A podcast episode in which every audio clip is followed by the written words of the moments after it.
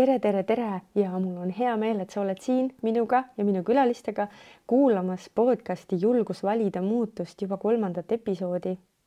täna on mul külas Lea. Lea Sõmer on naine, kes on mind inspireerinud väga mitmel viisil ja eelkõige sellega, et ta teab, mida ta tahab, ta teab, kuhu ta läheb ja ta lihtsalt läheb ja teeb asjad ära. kuidas ta seda teeb ja kuidas ta selleni jõudis, sellest räägib ta juba saates meie Lea episoodi salvestamine on olnud üks põnev seiklus. nimelt käis Lea mul külas juba nädal aega tagasi ja me hakkasime salvestama ja universum veeretas meie teele uskumatuid proovikive. näiteks läks meil ilusa ilmaga keset päeva lihtsalt majas elekter ära meil ei ole kunagi varem lihtsalt niisama elektrikatkestust olnud. kui vool tagasi tuli, otsustasime jätkata ja siis sai täis minu arvuti mälu, kuhu see podcast pidi salvestuma. minu jaoks oli see märk sellest, et ähm, saan seda episoodi Leaga teha kuidagi veel ägedamalt ja veel paremini ja veel põnevamalt. ja me võtsime nädala seedimiseks ja settimiseks. no me saime uuesti kokku täna, sedakorda siis Lea ruumides. ja nii oli täna voolas see vestlus hoopis teisel tasemel. me räägime sellest, kuidas leida oma ellu usaldus ja liikuda oma sihtide suunas nii, et sa lihtsalt äh, lähed, arvestamata sellega, mis kõik võib juhtuda. Me räägime sellest, kuidas Lea elutee viis teda konstellööri ametini. me jutustume päris palju ka konstellatsioonist ja sellest, kuidas see saab meid elus edasi aidata.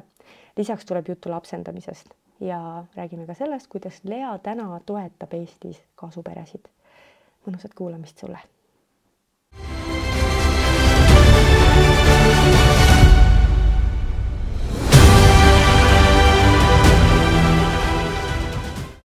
Tere vaatamast ja kuulamast podcasti Julgus valida muutust.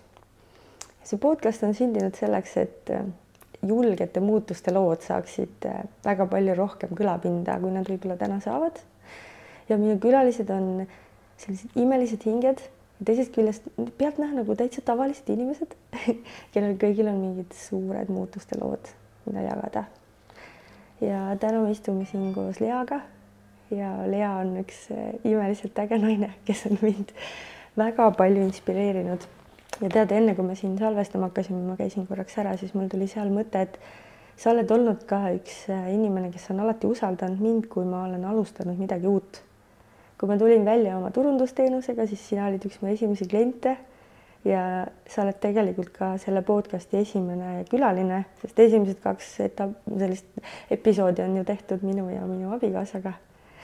Tere tulemast, kallis Lea. tere, Liisi.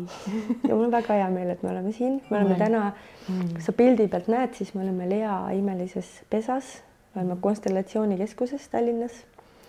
ja aitäh, et sa mind vastu võtsid. Ja sa oled olnud minu jaoks üks inspireerivamaid inimesi, sest ma olen näinud nüüd viimased mõni aasta kõrvalt äh, sinu teekonda, kuidas sa tegutsed loojana, ettevõtjana ja kuidas sa, kui sa midagi võtad äh, südameasjaks, siis sinu puhul ma nagu lihtsalt nii imetlen seda, kuidas sa võtad selle, ma teen selle ära, ma tahan seda ja sa tead, mida sa tahad ja sa tead, kuidas sa seda saad ja siis sa lihtsalt lähed. mul on võib-olla tunne, et äkki sa alati ei tea, kuidas sa saad, aga siis sära või kuidagi see kindlus, millega sa lähed, see on tohutult inspireeriv et täiega tahan sellest rohkem teada, kuidas sa seda teed. hea meel, kui see niimoodi välja paistab, et ma olen alati kindel, alati tean, mis ma tahan ja alati lähen sest äh, tegelikkus on see, et ega ma tihti ei tea, kuhu ma lähen. aga kui ma olen otsustanud, et mida ma tahan siis äh, sinnapoole ma lähen nii-öelda kindlal sammul, ütleme sedapidi. ehk siis äh, mul ei ole mõtet nagu minna korraks varbaga vett puudutama, et äkki, äkki ma tahan minna vette. kui ma tahan minna vette, siis ma lähen nagu üleni vette mm. -hmm. sukeldume siis kohe üleni ja kui, kui ma ei taha minna vette, siis tuleb lihtsalt võtta vastu otsus, et ma täna ei lähe vette mm. -hmm. Kui sa vaatad enda elule tagasi, kas sa oskad leida sellist võib-olla seose kohta või kust see tuleb sinu sees, on sul olnud mõni eeskuju näiteks väiksena või oled sa kasvanud mingis vanuses? kasvanud tegelikult väga mõnusalt hoidvas perekonnas, ema ja isa äh, elasid koos kuni isa elu lõpuni, ehk siis mul oli see stabiilsus olemas, ehk siis see koht, kus on nagu reeglid, stabiilsus, ei olnud mingit nagu vägivalda kui sellist ei ole meie peres õnneks olnud, oli turvaline hoitus ja, jah turvaline hoitus oli see peamine märksõna mm. -hmm. et see hoitus ja, ja selline turvaline kasvamise koht on see olnud, mis on lubanud sul siis kasvada selleks, kes sa oled. Just ja nüüd tagantjärgi vaadates ma olen õppinud väga palju just äh, sellist lapsepõlve kiindumusteooria teemat, et sellise turvatunde saab laps esimesel kolmel eluaastal. ehk siis, kui see on nagu korras, siis on lapsele edaspidi vundament nagu palju tugevam ja see on andnud mulle selle vundamendi. äh, ma olin kuni teise eluaastani ainuke laps peres, siis tuli mul õde sealt ma sain omad traumad küll, aga nendega on saanud tegeleda nüüd selle aastate jooksul, mis ma olen siin tegelenud omaga mm. -hmm. et hästi-hästi põnev teekond on olnud. ja sa jõuadki kohe hopsti siia tänapäeva välja, et mainisid tegelemist ja juba ka ühte kas meetodit või teraapiat. et Jaa. mis sa täna teed? mina olen täna, saan öelda uhkusega, et ma olen perekonstellöör. ja see teekond siiani on olnud äh, mõnusalt avardav. nii et kui ma alguses ütlesin ja tegelikult ma mõtlen ka sedasi niimoodi, et mu pere on olnud toetav ja turvaline, siis oli mul päris pikka aega see veendumus, et minu pere on olnud ideaalne, sest ema ja isa elavad siiamaani koos, tol hetkel elasid. ja, ja nad ei olnud ju kuidagimoodi nagu vähemad, et nad olid nagu ideaalsed mm. -hmm. aga tõsi on see, et kui me hakkame vaatama sügavuti, kui me jätame selle pealispinna ära ja hakkame vaatama sügavuti, siis me alati leiame enda seest mingid need õppekohad või mingid need kohad, kus me oleme trigerdatud saanud mm. -hmm. ja mingid kohad, kus meil hästi ei voola, et siis saame minna lapsepõlve tagasi vaadata, kus see alguspunkt oli ja leida, et ahaa, näed, minu lapsevanemad, minu ema ja isa ei olnud nagu päris täiskasvanud, kui nad said äh, minu, ehk siis nad olid alles teismelised, hilisteismelised küll Äh, ja sealt tulenevad mingid sellised äh, paradoksid, et äh, ema näiteks ei, ei olnud nii kindel endas, et ta võttis doktor Spuki raamatu ja õpetas või kasvatas mind selle järgi. ja sealt ma sain jällegi omad traumad, et kuidasmoodi iseendaga toime tulla, kuidasmoodi ennast ise rahustada, see oli mul väga selge. ehk siis ma sain iseendaga väga hästi hakkama mm. -hmm. oma sisemise, sisemise lapse rahustamisega aga, aga see tähendas, et mõnigi kord ma lihtsalt rahustasin ta üle, ma olin ta nagu ära peitnud äh, ja teinekord selliste söömishoogude alla, eks ole. ja mulle tundus, et kõik on korras ju. aga tegelikult, mis seal seespool toimus, oli nagu pisike karjuv laps, kes ei julgenud enam iitsatadagi mm. -hmm. ja selle juures täie armastusega lapsevanematele, enda emale, enda isale, et täiesti nad on olnud minu jaoks ideaalsed mm. -hmm. mul on ka kindel uskumus, et meie vanemad ja me ka ise vanematena, me tegelikult ja. anname alati oma parima ja me teeme kõike seda suurest armastusest. isegi kui see tundub täiesti arumõistmatu, et kuidas saab olla näiteks kellegi alkohoolikust isa, et miks ta nii valib, et kus see armastus mm -hmm. siis on mm. -hmm. aga see armastus on alati seal taga olemas, lihtsalt me ja ka meie vanemad lihtsalt tihti ei oska toime tulla. oma, oma mustrites kinni ja see nagu suurem süsteem, kas ma ütlesin juba sõna konstellatsioon siin taha Pole ei öelnud, aga see süsteem on see, mille usku ma natuke olen, et, mm -hmm. süsteem on see, mis äh, ühest küljest nagu valitseb, aga teisest küljest äh, hoiab, hästi palju hoiab meid mm. -hmm. räägi sellest süsteemist lähemalt, mis sa selle all silmas pead? Mm -hmm. läbi nagu perekonna, sellised toreda õppe nagu perekonstellööri õppe ja seal sain nagu hästi tugevalt teadlikkust sellest, et meil on selja taga meie ema ja meie isa. Nende selja taga on nende vanemad ja sealt edasi ja sealt edasi. ja see toimub nii, et meie lapsepõlves laeme alla kõik need mustrid, mis meie alateadvusesse tulevad, nendelt inimeselt, kes meie lähedal on ja reeglina on see ema ja isa, eks ole, bioloogilised vanemad ehk siis nende mustrid laeme kõigepealt alla ja, ja siis me jäämegi käituma nende pealt ja siis, kui me täiskasvanuna vaatame, et oh vau, et midagi on kuskilt nagu tahaks nagu teada, kust see või teine asi tuleb, miks see või teine asi minu elus niimoodi ei tööta, nagu ma tahaks, minu teadlik teadvus tahaks. aga siis me vaatame sinna alateadvusesse, et mis mustrid seal on ja kui me nende, neid juba peale vaatame, ehk siis kas sõnastame, kirjutame, võtame nukkudena välja väljale siin ühed salategelased. vanemad ja lapsed nukkudena väljale siis, äh, siis vaatame, et kas me oleme tegelikult nende ees või oleme hoopis nende taga. ja kui me oleme nende taga, siis elu ei saa voolata. sest elu voolab tagantpoolt ettepoole, nende vanemate taga on nemad ja siis äh, kui ma lähen hoopis tema ema asemele, siis on jama.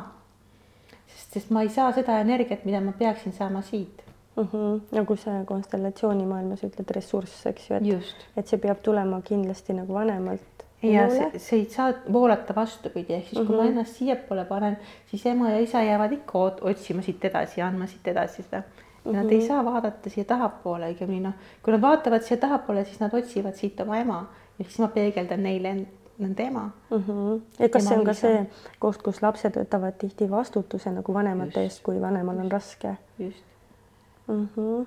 ja siis kui, kui isa on näiteks, äh, ma ei teagi, kumba pidi see siin on, aga vahet pole, kui isa on näiteks agressiivne ema suhtes, siis mina lähen lapsevanema vahele, ütlen, et isa ei tohi. selle, selle asemel, et jätta nende suhte nende kanda, lähen ma siia vahele ja olen nende suhte vahendaja Mm -hmm. ja siis, siis, siis ma olen nagu isale keegi ja emale keegi, eks ole, emale olen see kaitsja, kellega ta siis mõnikord võib-olla juhtubki nii, et isaga lahutatakse ära ja minnakse koos emaga edasi. Aga kelle koha peal ma siin olen mm? -hmm. ma olen ema mehe koha peal. ja see on siis see tohutu koorem, mis Just, siis laps sellega võtab. mis ma olen ise kanda võtnud, see ei ole see, mida ema on mulle mm -hmm. pannud, et mina ise olen kanda võtnud. ja kui me siis äh, teraapias teeme korda see võib olla konstellatsioon, see võib olla mingi hüpnoos, see võib olla EFT, mis iganes teraapia. kuidas, kuidas, mis, missuguse meetodiga me lähme sinna.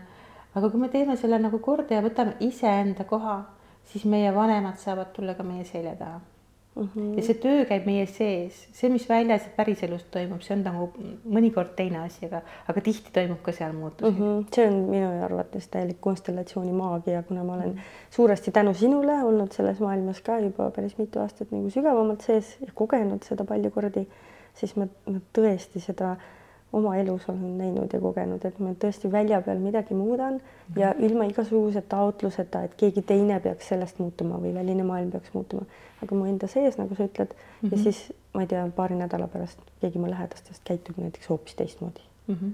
sulle tundub, et ta käitub teistmoodi, sa lihtsalt ei näinud enne seda, eks ole, sest sa saad võimaluse vaadata teiste noh, puhtamate silmadega läbi puhtama mm -hmm. filtri jaa, väga hea. Need alateaduse programmid on nagu filtrid meie ees, me näeme läbi mingite mustvalgete filtrite oma elu.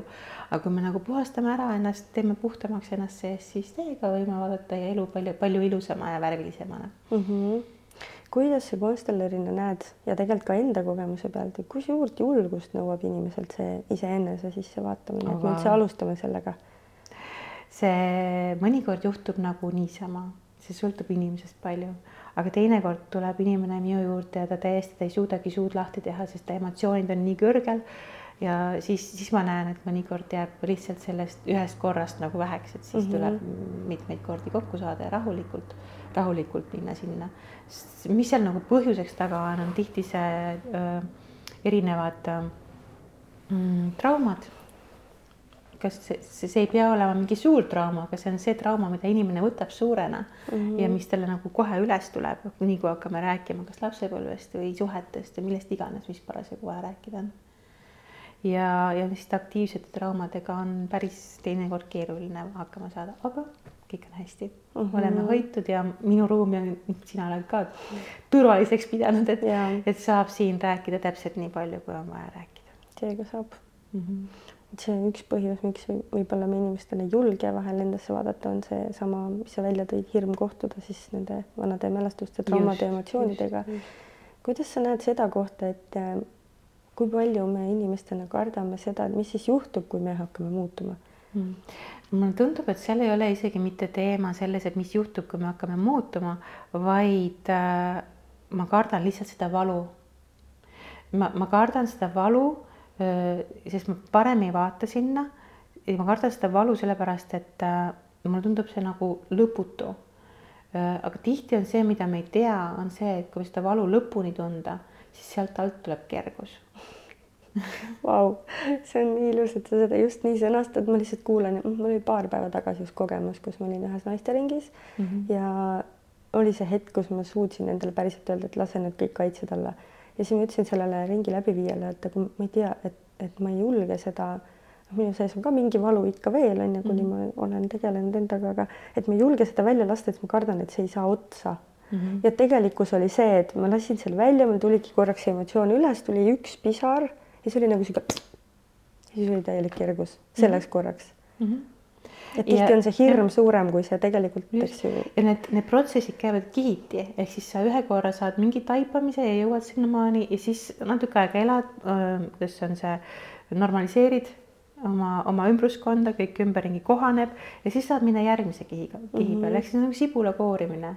Kiht kihi alal. kuidas sa oma elusibulat praegu vaatad, kus maal sa selle koorimisega oled? Ja see on teine huvitav koht, et äh, see ei saa kunagi otsa. Mm? -hmm.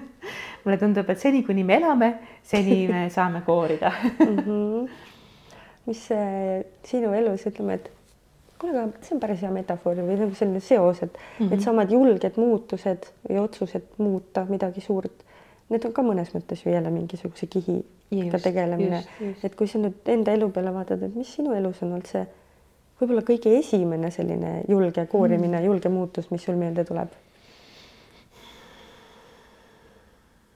Kõige ägedam julge muutus äh, oli see koht, kui ma äh,, ma olin tolleks hetkeks saanud juba lapse äh,. ma olin kakskümmend äkki kaks või kolm vanuses ja ma olen Kuressaarest pärit mm, -hmm. väikse saare, väikese saare pealt suure saare pealt ja, ja ma, mul oli julgus öelda emale ei mm. sest ema-isaga koos ma elasin tollel hetkel, ma olin oma esimesest abikaasast juba värskelt lahutatud ja, siis äh, ma ütlesin emale, et äh, teeme nüüd nii, et, et palun aita mind, et hoia minu last ja ma lähen Tallinnasse.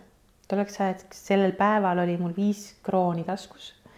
tõstsin käe Tallinna poole, mind ootas ees sõbranna diivan kus ma siis järgmised pool aastat veetsin ja sellesama julguse ja otsusekindlusega astusin sisse ühte toredasse pitsakohvikusse, ütlesin, ma tahan tööd teha. töökäsi on alati vaja. ja, ja alustasin sealt nii-öelda oma karjääri mingit järgmist etappi mm. -hmm. ja sa ütlesid, et sul oli kaasas viis krooni. viis krooni, see krooni ajal siis krooni ajal aga kust, kust tuli see koht, et sa julgesid minna? mis sulle andis selle? see oli see mm, talumatu valu mm. -hmm. Talumatu valu, mis, mis valdas mind ema ja isa juures seal elades mm, Mhm. -hmm. sest ma nägin, et ma ei suuda sealt väikesest sumbkülast, kus on tööd ainult äh, sügisest, vabandust, kevadest sügiseni ehk siis see Kuressaare on väike kur- kuuratlinnake, kus ettekandjana ma töötasin. no oligi nii, et äh, mai alguses sain tööd ja septembri lõpus olid viimased kruiisilaevad, eks ole mm, -hmm. siis nagu vahepeal ei ole midagi. Et ma ei suutnud seal nagu olla, lisaks see oli see vabanemise iha mm, -hmm. selline teismelise vabanemise iha, mis oli mul realiseerimata, sest äh, sain liiga kiirelt lapse ja, ja see, ma tahan nagu välja siit külast, kus kõik teavad kõiki, kus mind defineerivad minu vanemad, ehk siis noh, et sa oled sellest ja sellest perest, järelikult oled selline, selline. mitte, et see halb oleks olnud, vaid lihtsalt tol hetkel ma tundsin, et ma tundsin nagu väikesesse puuri pistetud lind mm. -hmm.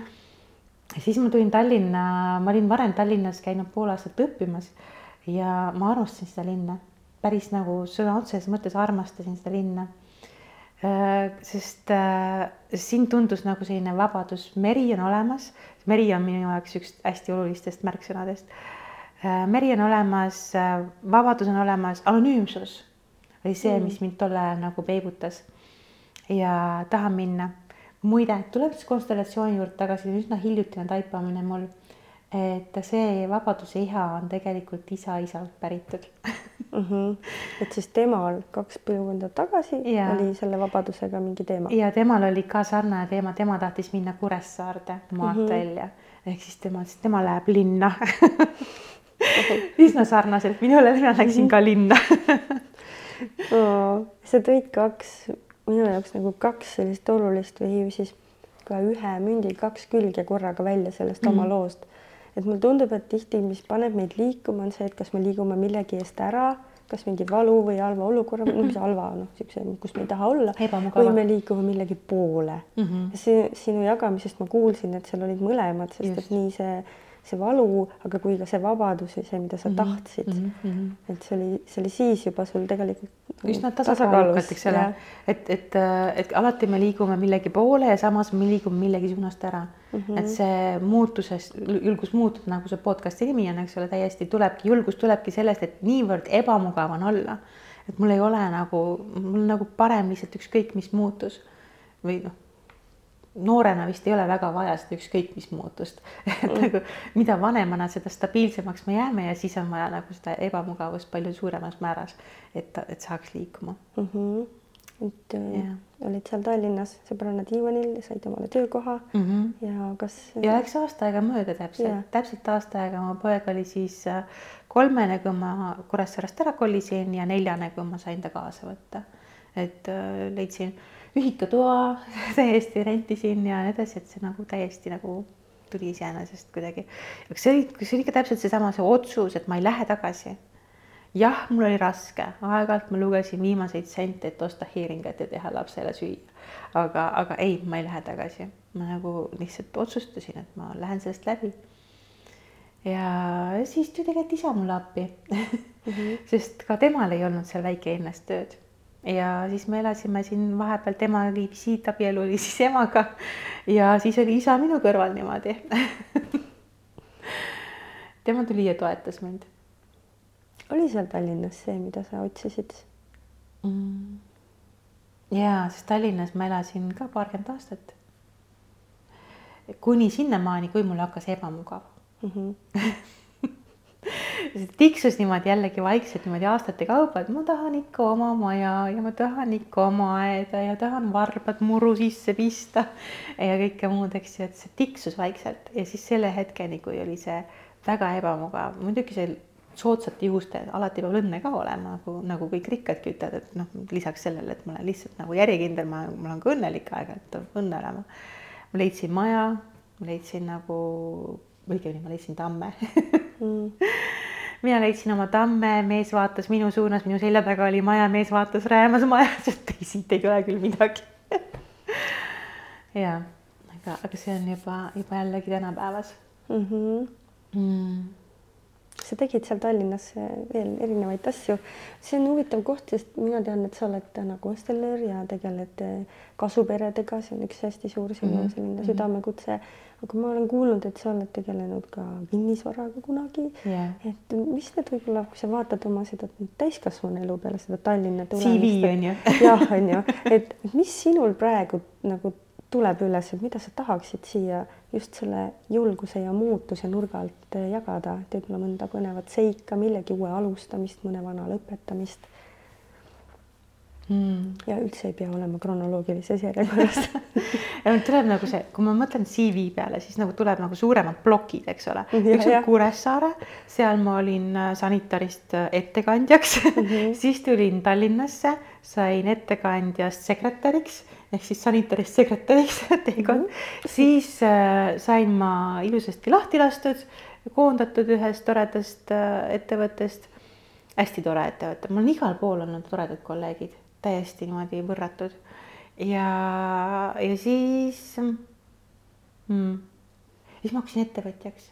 Siis lihtsalt, jah, lihtsalt kui ma kuulan, siis ma hakkasin ettevõtjaks. Jah. Ma ise värskelt alustasin oma ettevõtet, see oli selline kadalipp nagu. Palun jaga. aasta siis oli? kaks tuhat kakskümmend, kaks tuhat kolm, praegu on kaks tuhat kakskümmend kolm, nii et kakskümmend aastat tagasi.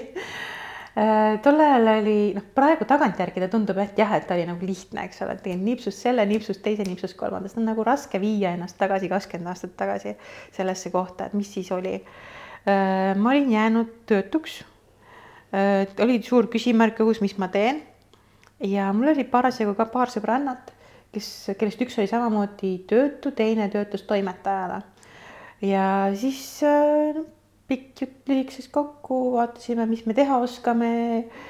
päris kupeldajaks ei tahtnud minna ja sest suh suhelda me oskasime kõik ja, ja siis me otsustasime teha kirjastuse. kirjastuse. kirjastuse. kuidas see tuli? see tuli, tuli nii, et noh, oligi, ma ütlen, et üks sõbrannadest toimetas mm. -hmm. või toimetaja ja me nägime kirjastuse mudelit äh, kõrvalt, et oli võimalik teha üks raamat. See on siis, kui see on piisavalt asjalik, firmadele maha müüa ja sealt siis äh, natuke raha teenida ja järgmisse raamatu peale minna, et noh, täiesti nagu toimiv ärimudel. ja tegite? tegime, mina olin esimene raamatu, jällegi esimene, mul on olnud see esimese rõõm sinu elus igal pool mujal, et nagu teha midagi esimesena ja äh, selles firmas Kirjastus Kentaur, ta veel hiljaaegugi toimus, ma ei tea, kus, millal see viimane raamat ilmus, aga praegu ta vist enam ei toimeta. Et äh, Kirjastus Kentaur ja Lea Ilvese, tol hetkel ma olin eelmise nimega mm, -hmm. äh, ametikirjade büroo etikett, oli esimene raamat mm. -hmm. Vau, et see on tõesti. see oli selline nagu noh, ma, mind on õnnistatud sellega, et ma näen nii metsa kui puid. ehk siis ma ülekantud tähenduses, ma näen neid detaile, mida saab noppida ja ma suudan ka panna kokku. ja sealt ma siis koostasingi mitmete erinevate allikate põhjal ühe raamatu sekretärile, et nii, et kuna ma olin ennem sekretär olnud, siis see pädevus mul oli ka natukene mm. -hmm. jah, ehk siis niisugune muutus jah, jälle see julge muutuse koht mm. -hmm. noh, see oli küll pikka aega tagasi, aga kuidas, nii palju, kui seal praegu nagu meeles on, et, et aga kui, kuidas nagu see on ju nii suur nagu muutus, et sa oled mm -hmm. kuskil palgatööl ja saad iga kuu sealt oma arvele ja järsku sa nagu vastutad ise ettevõtjana, et kuidas see koht sinu jaoks oli? ma näen, et siit tuleb jälle see vanaemade ja vanaisa lugu. korra vaatan, kas need on meil ilusti kaadris, see on väga oluline, on küll et ütleme, et see on siin ema, ma nüüd ei tea, mida pidi see jääb täpselt, aga noh, siinpool meie vähemalt meie vaates võiks jääda ema. siin on, olen mina, siin on minu ema, siin on ema, ema mm. -hmm. ema, ema oli pool oma elust roosidemüüja Tartus, Tartus Riiemäel ehk siis siit juba tulevad need väiksed geenid ja ma tean, et seal taga on ka selliseid suuremaid äh, ettevõtjaid Tartus enne, enne sõda ja sealt edasi. ehk siis noh, geenides on see, et mm -hmm. selles suhtes mul oli nagu lihtne. aga samas äh, see nagu otsus öö, äh, teha midagi sama ja julgus teha seda, et noh, hästi hea nimi on see julgus muutuda, ehk siis seda julgust teha esimest sammu öö, lubades, sest teisest küljest mul oli jällegi abikaasa kõrval, kes polsterdas ära selle finantsilise poole, peres oli kõik hästi hoitud, et ma võisin nagu julgeda seda sammu teha. nagu noh, mitmed asjad jällegi kokkulangevus, õnne, õnne natukene, aga see ei olnud ka tegelikult puhas õnn, loomulikult ma oma pere ju lõin ka ise, eks ole. Abikaasa valisid ise jah? jaa, abikaasa valisin ise, selle, et ma esimesest, esimesest abikaasast lahku läksin, valisin ise, kõik on nagu valitud ja mm, -hmm. ja, ja usaldus elu suhtes on võib-olla see, mis tuleks siit läbi praegu. usaldus, et, et ma ei kõrbe mm. -hmm. ja ka siis, kui ma kõrben, ma olen ka kõrbenud mm. -hmm. praegu ei tule küll meelde hetkel, aga kindlasti olen seda väga palju räägitakse ja soovitatakse, usalda elu. kui mm -hmm. proovime seda nüüd natuke lahti võtta või sinna sisse vaadata, siis mis see elu usaldamine sinu jaoks tähendab? Mul on olemas mingi suurem visioon, ma tean, mida ma tahan muuta. ja ma lihtsalt lähen väikeste sammudega, ma näen seda esimest sammu, esimest sadat meetrit, järgmine on udu mm. -hmm. et ma täpselt ei tea, me teadsime, et me tahame kirjastust teha. kuidas see käib, me ei teadnud, me tegime, me ise naersime selle üle, et me tegime ühe katse ja tegime seitse eksitust mm. kuni selleni välja, et noh, algajad naised on ju ei teadnud mitte midagi triipkoodidest ega müügist, meil oli esimene raamat ilma igasuguse triipkoodita. Et pärast tuli välja, et ükski raamatupood ei tahtnud meie raamatut, sest meil ei olnud triipkoodi wow. siis me kleepisime, lõikasime ja kõike tegime, et see triipkood sinna peale saaks, sest raamatupoed on teadupärast ikkagi üks suuremaid allikaid, kus kohas mm. raamatud liiguvad nii et kui seda lugu nüüd vaadata, siis usaldus oli seal, et sa ütlesid, et seal ees on udu, et sa teadsid, et tahad raamatut, aga ei teadnud, kuidas tegite nii nagu oskasite, aga pärast saite parandada ja kõik sai ikkagi tehtud yeah. selle koodi läbi yeah,. Yeah. et ehk siis, kas ma saan õigesti aru, et sa selle ka pead silmas selle usaldamisega, et ongi see, et sa näed esimest sammu, võib-olla noh, vahel ei näe ka onju mm -hmm., see udu, aga sa tead, mis seal udu taga on mm. -hmm. sul on mingi visioon, mingi pilt. Äh, see, siin tuleb hästi appi seesama fantaseerimisoskus mm. -hmm. et lapsena juba olin täiesti nagu, mul ei ole kunagi probleeme olnud kirjandeid kirjutada. tuleb ja tuleb ja tuleb ja tuleb, ma ei oska sulle öelda, kustkohast see tuleb mm. -hmm. kui sa küsid, kust see tuleb, kus no ma ei tea, nähtavasti sellest samast toredast lapsepõlvest mm. -hmm. sest me oleme erinevad ja ma usun mm -hmm. enda pealt ka tean, et alati ei ole nii lihtne usaldada mm. -hmm. ma võin küll näha seda sihti, aga mul on see, mis siis, kui mm, -hmm. kui see ei õnnestu, kui ma ei jõua sinna, siis tuleb see juba mõistus oma lugudega ja kuni mm -hmm. sinnamaani välja, et ma näengi ennast, ma olen seal vaestemajas või kuskil kirjakotiga no,. ja, ja praegu me istume siin äh, Konstellatsiooni keskuses, hirmus suur nimi on, aga ma püüan ära täita üksinda seda kõike, sest mu ego on suur asja selleks. Äh, ehk siis selle loomine oli ka samamoodi kõik loomised on samamoodi, mingil hetkel tuleb mingi visioon ja see tõmme sinnapoole on nagu nii suur ja kui mm -hmm. ma mhm. annan sellele tõmbele järgi ja parasjagu kõrval on mingisugune koht, mingi seltskond või mingid inimesed, kust ma saan selle energia peale mm. -hmm. et, et jaa, ehk siis äh, selle konstellatsioonikeskuse loomise kõrval oli mul hästi tore seltskond äh, otseturundusettevõttes, kus, äh, kus oligi selline igapäevane mastermind käis ja, ja siis sellesama mastermind'i tundsin, et mul on seda energiat nii palju, ma saan kuskile rakendada, et ah, mis mul vaja, vaja luua on ja siis sealt tuli seda üles, seda energiat nii palju, et, et noh, lihtsalt tada, siin ta on mm. -hmm. et tulen tagasi selle kirjastuse juurde, et seal oli mul ka seltskond ümber et need naised, kaks toredat naist, kel, kes tegelikult oli kolm, üks lihtsalt loobus aasta pärast, aga kahega, kellega ma käisin meil tegelikult kümme aastat üheksa tegelikult, aga noh, põhimõtteliselt kümmekond aastat, käisime koos ühel rajal ja meil oli nagu ühine siht ja, ja seesama energia tuleb nagu, nagu ümberringi, et see ei tule nagu ainult ühe inimese seest mm. -hmm. ehk siis ma kuulen, et sa usaldad ka hea meelega sellist koosloomist. täiega. ja see on ka jälle asi, mis meil inimesteti võib olla erinev mm, -hmm. sest on inimesi, kes usaldavad ainult iseennast. Kuidagi tuleb sellest, et noh, kuskil on kogemus olnud, et nii-öelda mm -hmm. keegi on meid alt vedanud, eks mm -hmm.. just, ja siis tuleks vaadata sinna kogemuse sisse mm, -hmm. mis seal tegelikult sees on.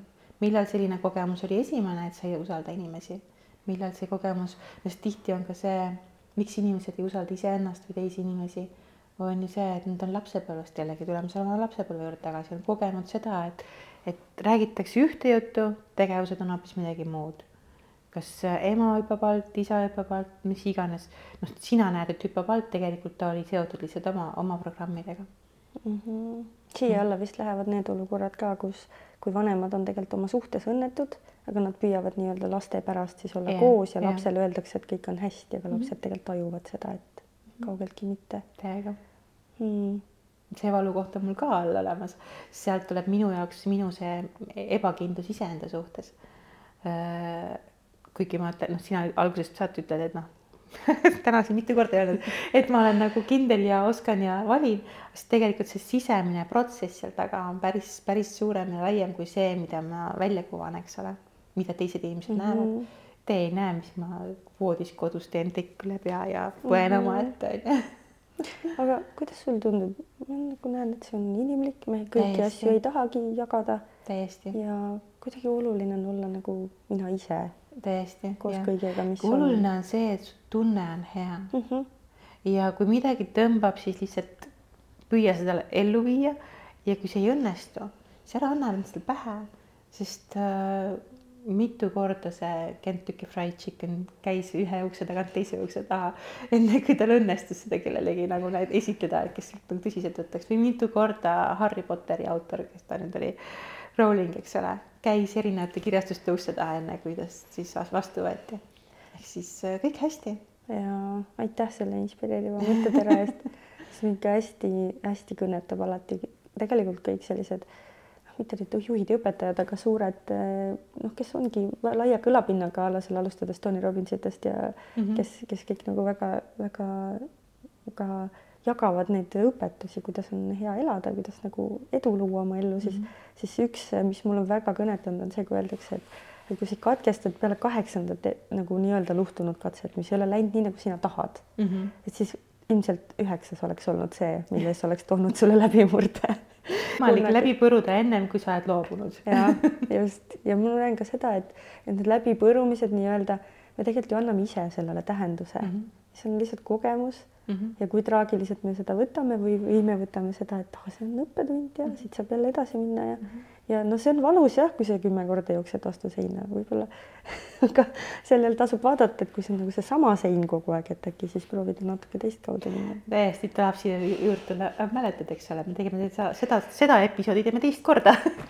jaa, jaga seda lugu, kuidas sina seda näed nädal aega tagasi saime kokku Liisi juures mm. -hmm. ja siis juhtus igasuguseid huvitavaid asju pidime salvestama siis ja, seda siin. sedasama, mis me täna siin teeme, loodetavasti täna salvestub paremini kui esimene kord ja, ja juhtusid siis nii-öelda juhtusid asjad, noh, sellised täiesti nagu, mis nagu ei saa, oleks saanud kuidagi juhtuda.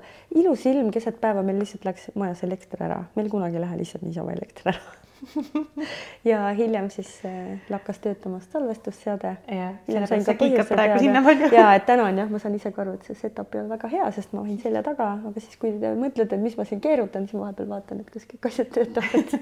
Et näed, siin on minul veel minna usaldusega olemas, et ja. mis selle looga tegelikult võiks nagu öelda, et, et jah, me ei saanud seda tookord salvestada aga nii minul kui tegelikult ka Leal oli mõlemal see kindel tunne, et me tahame seda saadet eetrisse tuua ja siis me lihtsalt leppisime uue aja kokku. ja usaldus. Ja usaldus.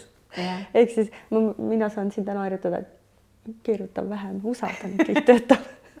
Ja mina näen siit, kui ei tööta. Aitäh sulle. Mm.. Hmm hästi, meie veepudelid on täna vanavanemate siin kohapeal. jah, annavad ressurssi. kusjuures ma nagu siiralt usun, et vesi on nii oluline mm -hmm. igapäevaselt lihtsalt juua palju puhast vett mm. -hmm. ja mulle hästi meeldis see, mis praegu ette tuli, oli seesama ressurss, et vesi on nagu ressurss ja, ja see ressurss, tähendab, kui me palju räägime ja oleme täna rääkinud ka sellest, et kui me läheme valesse kohta, oleme põimunud, lõimunud, äh, siis, siis me ei saa seda ressurssi, aga see ressurss tulebki täpselt siis, kui me oleme ilusasti, ehk siis seal igas selles äh, draamas, igas traumas on ressurss peidus. kui me läheme sellest valust läbi, kui me lubame endal kogeda seda valu, siis me tuleme teiselt poolt välja puhtamana, kergemana ja meil on olemas see ressursile palju parem ligipääs. Hmm..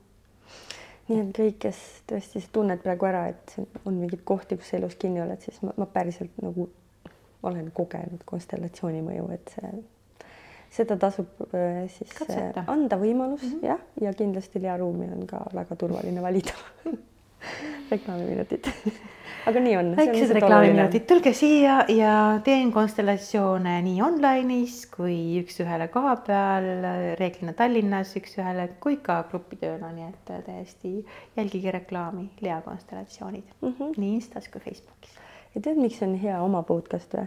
tavaliselt sellised asjad on podcast'i lõpus, aga meie mhm. võime teha keskel aitäh, et usaldad aga kui me nüüd siia juba jõudsime, siis äh, palun räägi sellest, et miks sa oled konstellör, kuidas mm. see mhm. tuli sinu ellu? see on äge teekond olnud. alustame siis kõige algusest. kõige algusest, sellest vanaisast sealt. minu vanaisa oli inimene, kes äh, valis äh, maha jätta oma esimese naise koos lapsega. kõigemini nad vist ei saanudki naiseks ja meheks, nad lihtsalt, äh, poiss sai lapse koos ühe tüdrukuga. ja tol ajal ei olnud see, oli see nagu päris tabuteema, et mingi vallaline, vallast laps on kuskil. ja siis vanaisa, nagu ma enne mainisin, vanaisa ütles, et tema tahab minna linna, tema läheb linna ja ta läks linna teise naisega, ehk selle eluarmastusega. ja, ja siis äh, pikk jutt lühidalt kokkuvõtteks äh, läks mööda pool sajandit, isegi rohkem, kui mina siis olin see neljakümne aastasele isale, ütlesin, et kuule issi, tead, et sul on kuskil poolõde.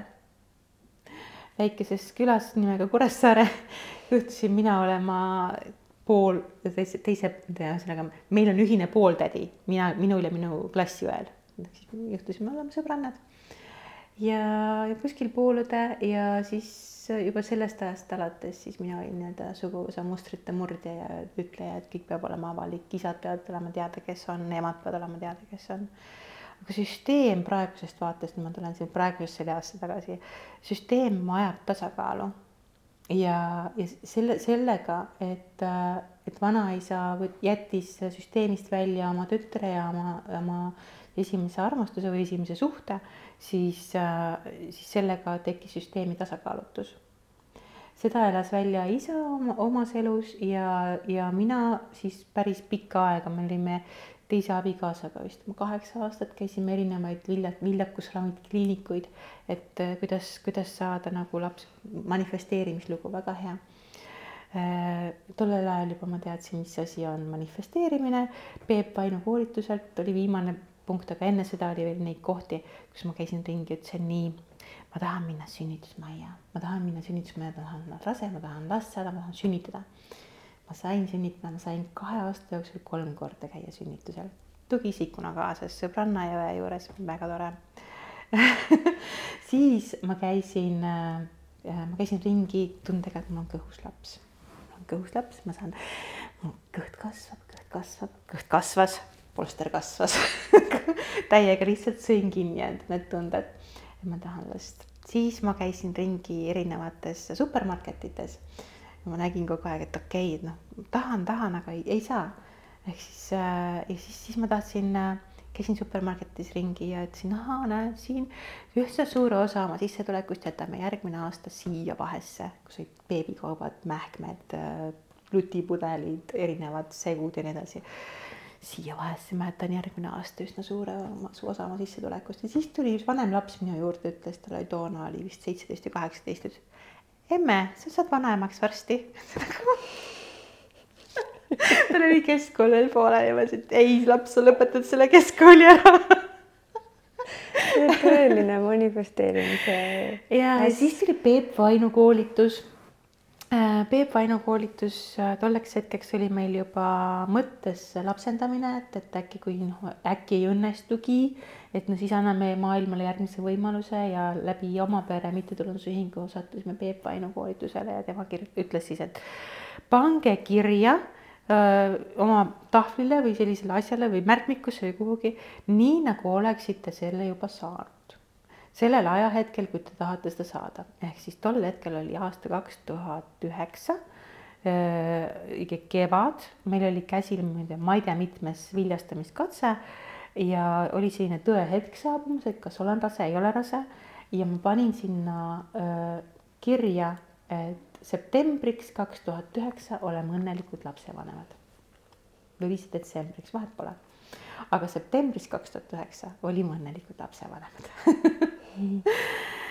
ja toona, toona ja see oli hästi ulme aasta oli kaks tuhat üheksa, sest äh, jah, jah, et seal oli neid valusaid hetki, oli äh, emakaväline rasedus, oli see draama seal taga ja siis sealt nagu kõrvalt see nagu tekkis sinna juurde, et, et jah, okei okay.. helistati meile üks päev, see oli äh, seitse, kaheksa, üheksa, kuskil üheksas või kümnes september kaks tuhat üheksa.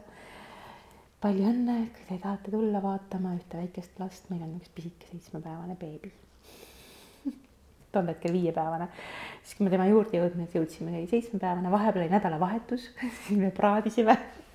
ehk siis sellist nagu üles-alla erinevaid nagu emotsioone oli seal nagu taga, aga ma ei suut-, ma ei olnud lahti lasknud sellest visioonist, et meil on laps lisaks sellele, selle Peep Ainu koolituselt saadud info ma panin äh, Viiralti gravüüri, Viiraltil on selline gravüür, kus on kaks beebit ja sellest on postkaart tehtud.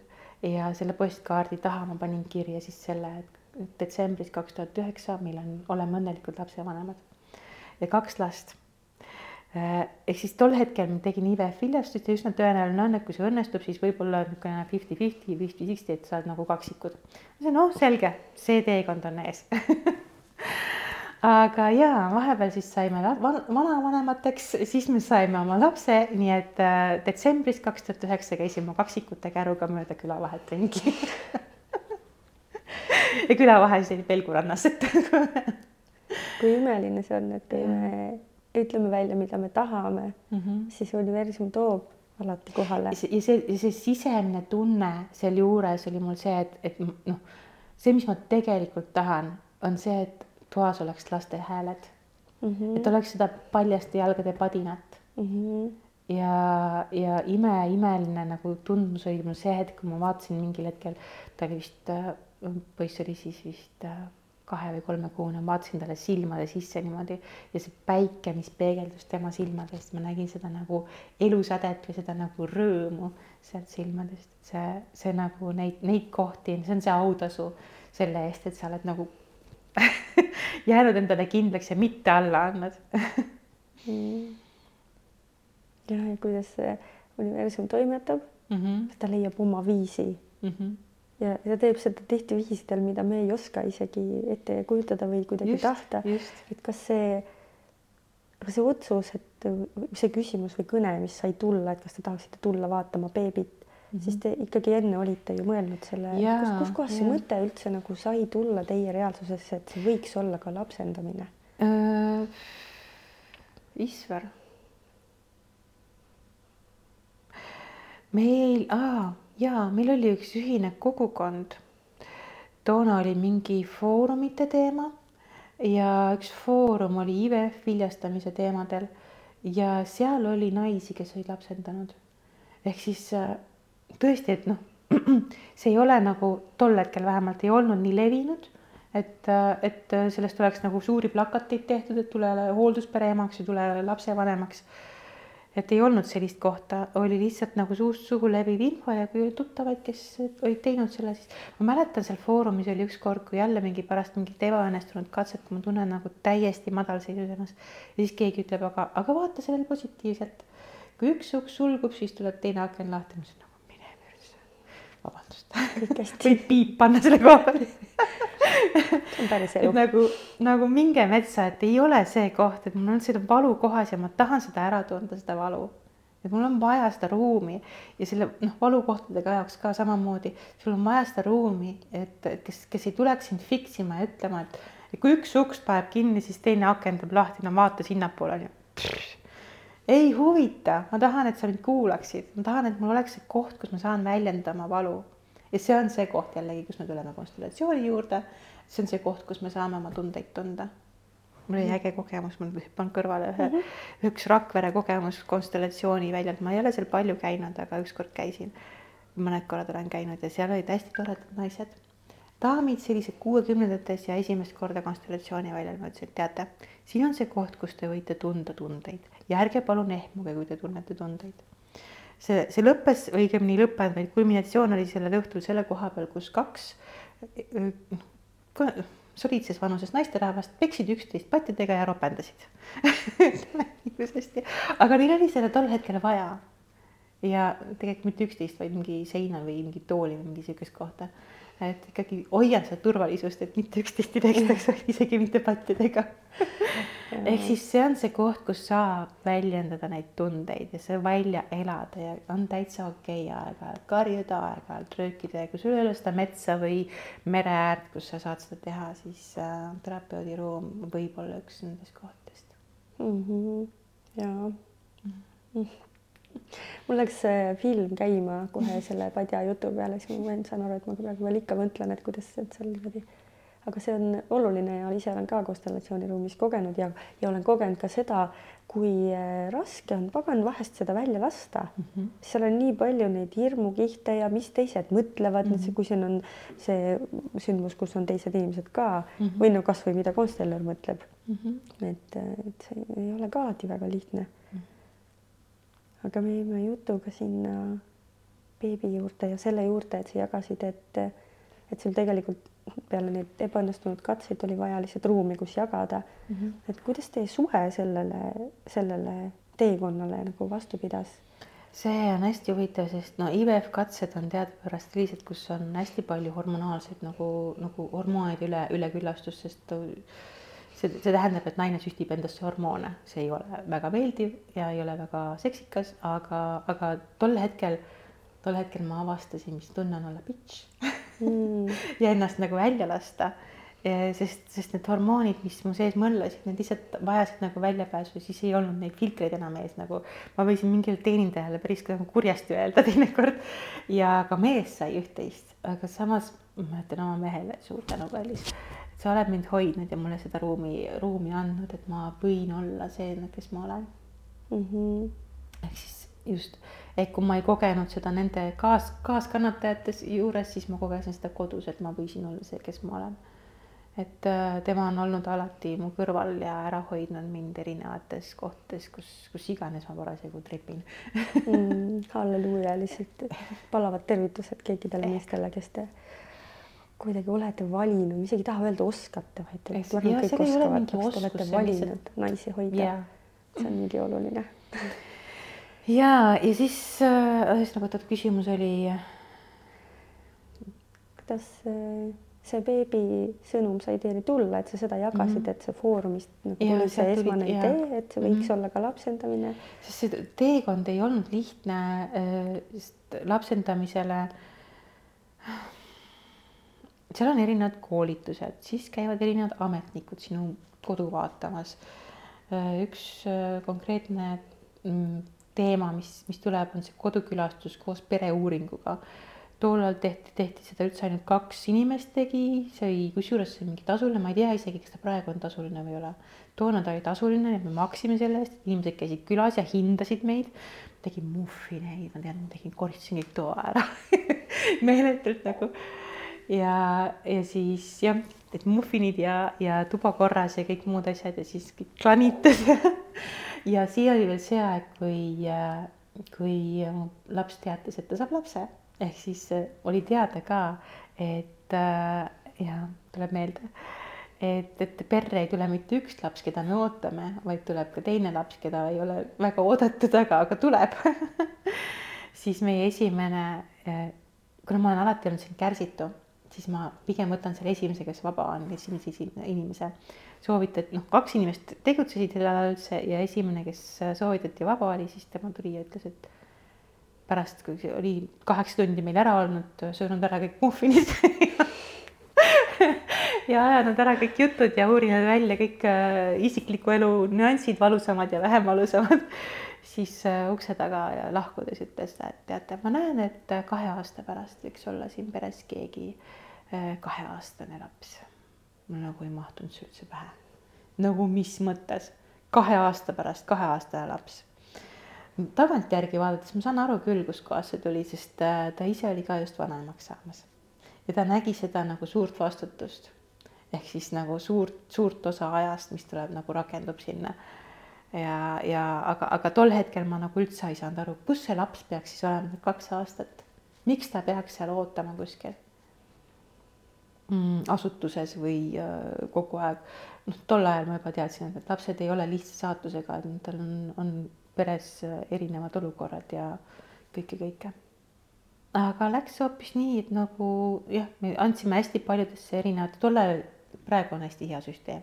Lähed Sotsiaalkindlustusametisse, teed avalduse, sind pannakse registrisse, Pride koolitus on kättesaadav, mis seal on Pride koolitaja ka praeguseks ehk see on kättesaadav järgmise poole aasta jooksul vähemalt, läbid selle koolituse, oled jälle registris ilusasti olemas, sind valitakse sealt ja sealt saad nagu kergusega see ei tähenda seda, et järjekorrad oleksid lühikesed ja saad ülehomme lapse, vaid äh, seda, et nagu asi on lihtne. Ja toona meil oli vaja erinevatesse maavalitsustesse, siis olid maavalitsuste ajad, erinevatesse maavalitsustesse avaldused teha. Äh,. oli teada, kust piirkondadest need äh, lapsed üsna tõenäoliselt liiguvad, kus piirkondades ei ole mõtet, näiteks Saaremaal oli küll mõttetu koht, aga ma ikkagi viisin avalduse. Et äh, nagu, nagu hästi palju erinevaid nüansse on seal vees, lihtsalt tuleb, jällegi see teekond on pikk, aga tuleb lihtsalt astuda samm sammhaaval ja iga kord küsida, aga mis ma järgmiseks tegema pean, kõik need ametnikud on seal selleks, et sa saaksid nagu toetatud mm. -hmm. mida ma veel teha saan, mida ma järgmiseks tegema pean, lihtsalt nagu küsida informatsiooni mm. -hmm. see on see protse-, protsessi koht siis nii-öelda protseduuride koht mm. -hmm. aga nüüd see, see otsus võtta tegelikult väljaspoolt laps oma perre, just nagu sa ütlesidki, sa teadsid, et neil ei ole olnud lihtne saatus, noh, geenid ja kõik, kõik on need mm. -hmm. mida sa täna ütleksid nendele inimestele, kes mõtlevad lapsendamise peale, aga neil on näiteks sellised hirmud? geenide kohta öö, väga palju uurimusi tehtud, kui palju mõjutavad inimese geenid ja kui palju see keskkond, kus sa elad. ja öeldakse, et keskkonnal on ikkagi suurem mõju kui geenidel. geenid on potentsiaal on potentsiaal, et sinust saab sõltuvus, sõltuvusega inimene või potentsiaal, et sinul on, avaldub mingi haigus, aga keskkond on see, mis selle mõju nagu öö, välja toob. nii siis haiguste puhul erinevad kasvajad, erinevad asjad, kui ka sõltuvuse puhul ja on täiesti kaks vahet, kas sa sõltud trennist või sõltud alkoholist, eks ole. ja see on sinu valik lõppkokkuvõttes, kummast sa sõltuda tahad mm. -hmm ehk siis ma kuulen siit, kui sa jagad seda, et tegelikult kui me ise oleme valmis pakkuma seda turvalist ruumi lapsele kasvamiseks mm -hmm. ja seda head ja mõnusat kodu, et siis temast saab kasvada see, kes ta tegelikult on. just, avaldada vanad... seda potentsiaali. Mm -hmm. ehk siis mm, praegu elavad meie peres kaks neljateistaastast poissi. üks poistest tuligi see kaks tuhat üheksa, eks ole, siis ta oli seitsmepäevane, kui me kohtusime ja meie lapsendamisteekond läks hästi libedalt mm. -hmm. see on ka üks hästi tore märk, kui see viimane lõpp läheb nagu lige, libedalt, sest äh, olen kuulnud, kuidasmoodi psühhiaatri äh, aega ei saa, kui noh, et seal on vaja psühhiaatri tõendeid, siis on vaja erinevaid äh, dokumente kohalikust omavalitsusest, et sissekirjutus on olemas ja mingeid selliseid asju. meil läks nagu kaks tööpäeva selle peale ja siis me saime paberitega kohe tagasi minna, et nii, nüüd me vormistame lepingu, laps tuleb meiega koju. ehk siis nagu see tuli hästi kiiresti. eriti see viimane lõpp aga, aga see ei tähenda seda, et kui oleks olnud aeglasem, et me oleks alla andnud, kindlasti mitte mm. -hmm. täna sul on tänane teadlikkus ja elukogemus ja kõik see, mille pealt seda kasvõi seda geenide lugu jagada, aga kuidas mm -hmm. siis, kui te selle esimese lapsendamiseni jõudsite, kust siis kindlus tuli, et on, on turvaline ja kas see näiteks, et suhtena, et mees ja naine, et me ikka jääme kokku ja kõik, mis, mis seal kõik võib olla, on ju, lihtsalt kust, kust see kindlus või julgus tuli seda, seda otsust seda teha? nagu tunnet, et me peaksime lahku minema, seda ei ole olnud mm. -hmm. seda ei ole nagu üldse olnud, ma saan, ma näen hästi palju sellest nagu hoiab mul abikaasa peal, et noh, see on see turvatunne, ma olen, noh, mina olen temasse kinnitanud ja tema on ka sellesse suhtesse kinnitanud nagu hästi suure turvatunde ja selle nagu nui neljaks me lähme läbi, sest need IVF katsed, need olid omaette nagu kogemus ja see nagu näitas, et kui, kui sealt tuled läbi siis on nagu kõik, öeldakse, et kui sa remonti teed koos, et kui sa sealt lähed läbi,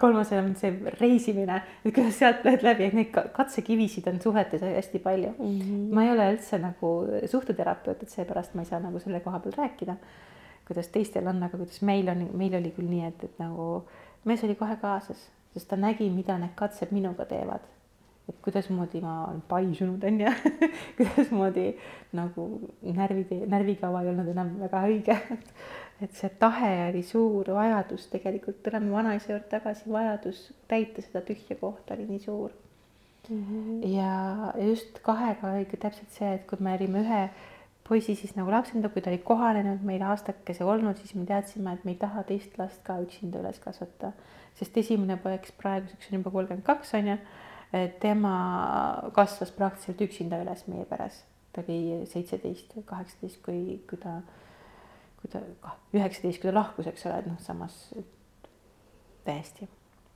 kasvas üksinda üksiklapsena. minul on kaks õde ja abikaasal on ka kaks õde, ehk siis me teadsime seda õe-venna suhet, õdede suhet, vendluse suhet. kui see lapsepõlves on loodud, siis see jääb kestma edasiseks. ja teine poiss tuli veel raskemini ehk siis see teekond.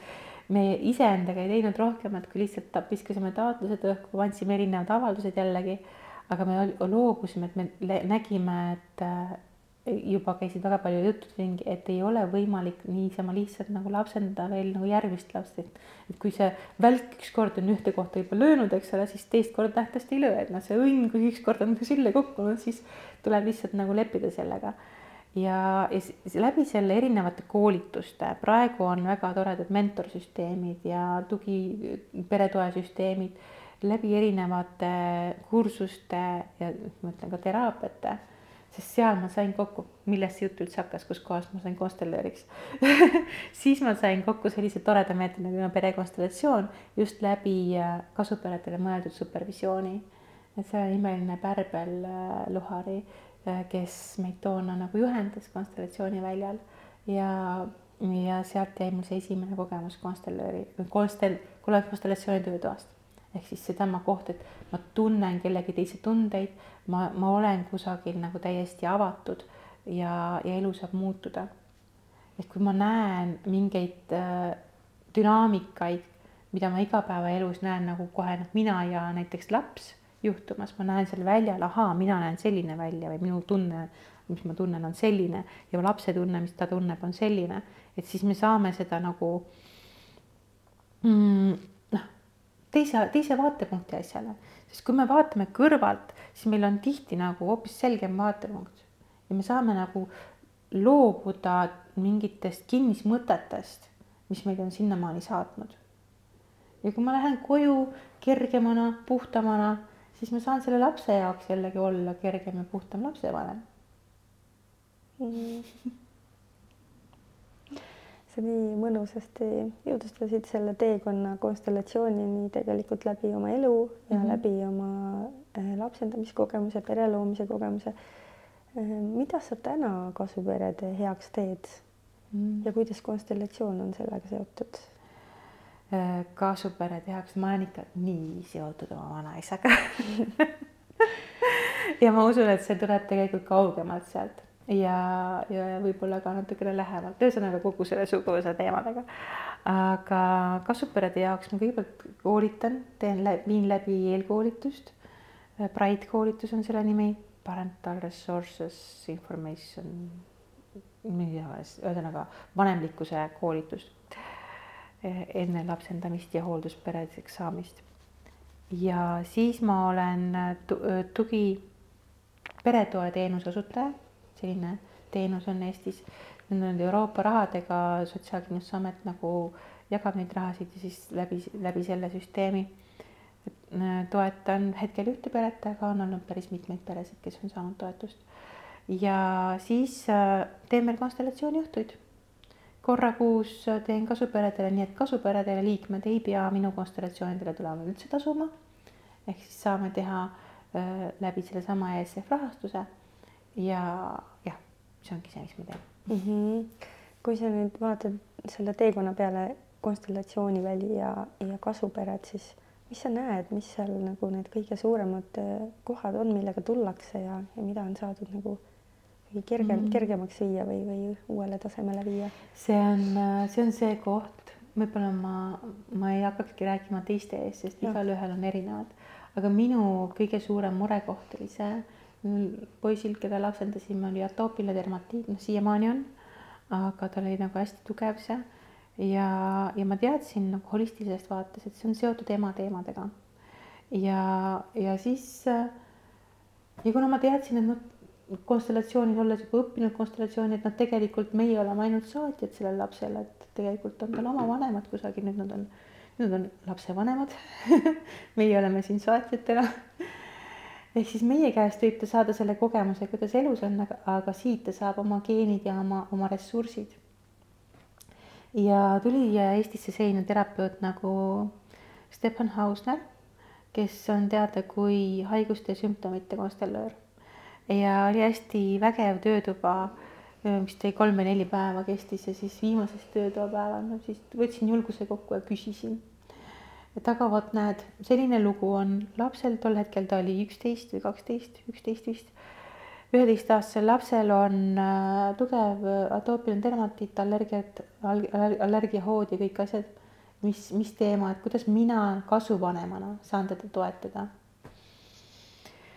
Ta vaatas mulle otsa hästi sügavalt. esimene küsimus, mis ta mulle niimoodi kliendina esitas, ütles, et aga miks te seda last tahtsite see oli see koht, kus mul noh, kõik see ego ja see kinnihoidmise koht kukkus südamesse. et nagu miks ma teda päriselt tahtsin, sest päriselt, päriselt on laps vajalik, tolleks hetkeks ma olin ka pereteraapia esimese kursuse läbinud, et laps on vajalik selleks, et peret koos hoida. ja, ja kui mulle see kohale jõudis, kui egoistlik samm on tegelikult lapsendamine. mul on vaja kedagi, kes meie suhet koos hoiaks. seda kolmnurka on see, kolmnurk on kõige tugevam äh, nagu noh, vorm ja selleks, et suhe toimiks, on vaja kolmnurka. kolmnurkaks ei pea olema laps, selleks võib olla partneri haigus, äh, vanaema haigus, kassi haigus äh, mis iganes. kindlasti mingi haigus. ei pea olema kass. haigus, see võib olla ka telekast tuleb mingisugune informatsioon, sõda, mida iganes, mis iganes pähe tuleb kellegi sõltuvus trennist või noh, mis iganes, ühesõnaga mingi teema, mille üle on kogu aeg arutada mm. -hmm. Maailma päästmine, ühine firma, mida iganes. maja loomine oli meil pikka aega üks niisugune suur teemadest.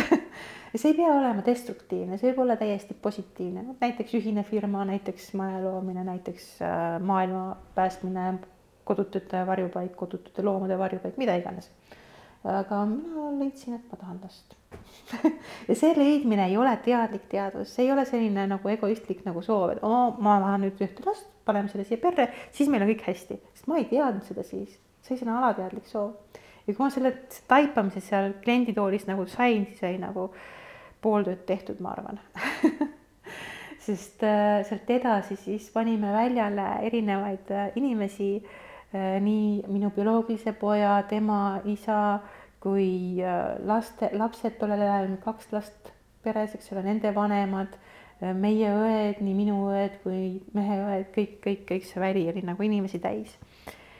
ja kõik sai nagu noh, see välja, väljamaagia, see on täiesti võimas.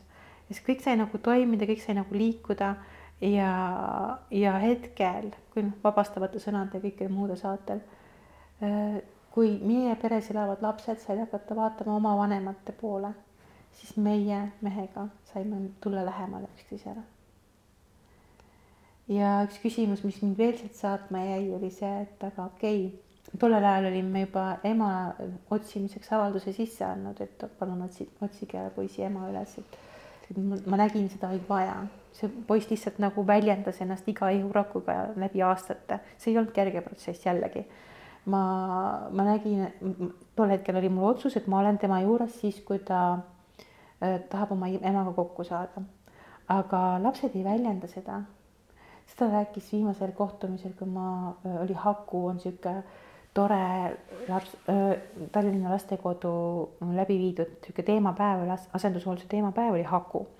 ja Meelis Kukk, kes on ise mm, SOS lastekeeles üles kasvanud ja seal on ka vanemate süsteem, ehk siis äh, ütles ka, et ma ei tahtnud oma emale öelda, et ma lähen bioloogilise ema juurde.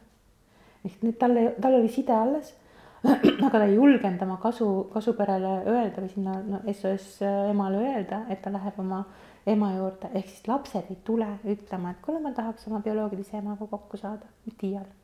sest nad on lojaalsed sulle, sest sina annad neile oma ressurssi mm. -hmm. ja lapsed on siia seotud. See peab olema teadlik lapsevanem, teadlik kasuema, kes näeb, mida lapsel tegelikult vaja on. ja mina tol hetkel juba nägin, et lapsel on vaja suhet emaga ja kui enne seda Hausneri tööd olin ma Sotsiaalkindlustusametilt kuulnud äh, infot, et äh, ema ei vasta telefonile. ema vastas telefonile, aga seal oli vale inimene. ema ei ole, ela, ela enam sellel aadressil. Äh, okei okay,, nüüd leidsime aadressi üles ja nüüd hakkame kirjutama kirja vene keeles, sest nad arvasid, et ema eesti keelt ei taipa ühesõnaga, see oli nagu erinev masinavärk, mis seal kõik oli, me olime päris lootusetud tolleks hetkeks, kui ma Hausneri juures tööd tegin. et nüüd nagu tegutseme selle nimel, aga ma ei tea, kas, mis sealt saab, sest see peab alati on võimalus, et tema ütleb ei. Mina olen oma eluga edasi läinud, et ei, või siis on ta nii aukus, et sellest ei ole tegelikult lapsele kasu. see noh, kõik võimalused olid lahti.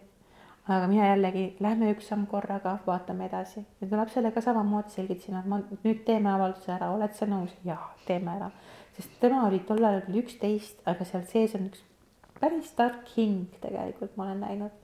ta ütles, et äh,, kuidas ta ütleski, parem nüüd kui hiljem.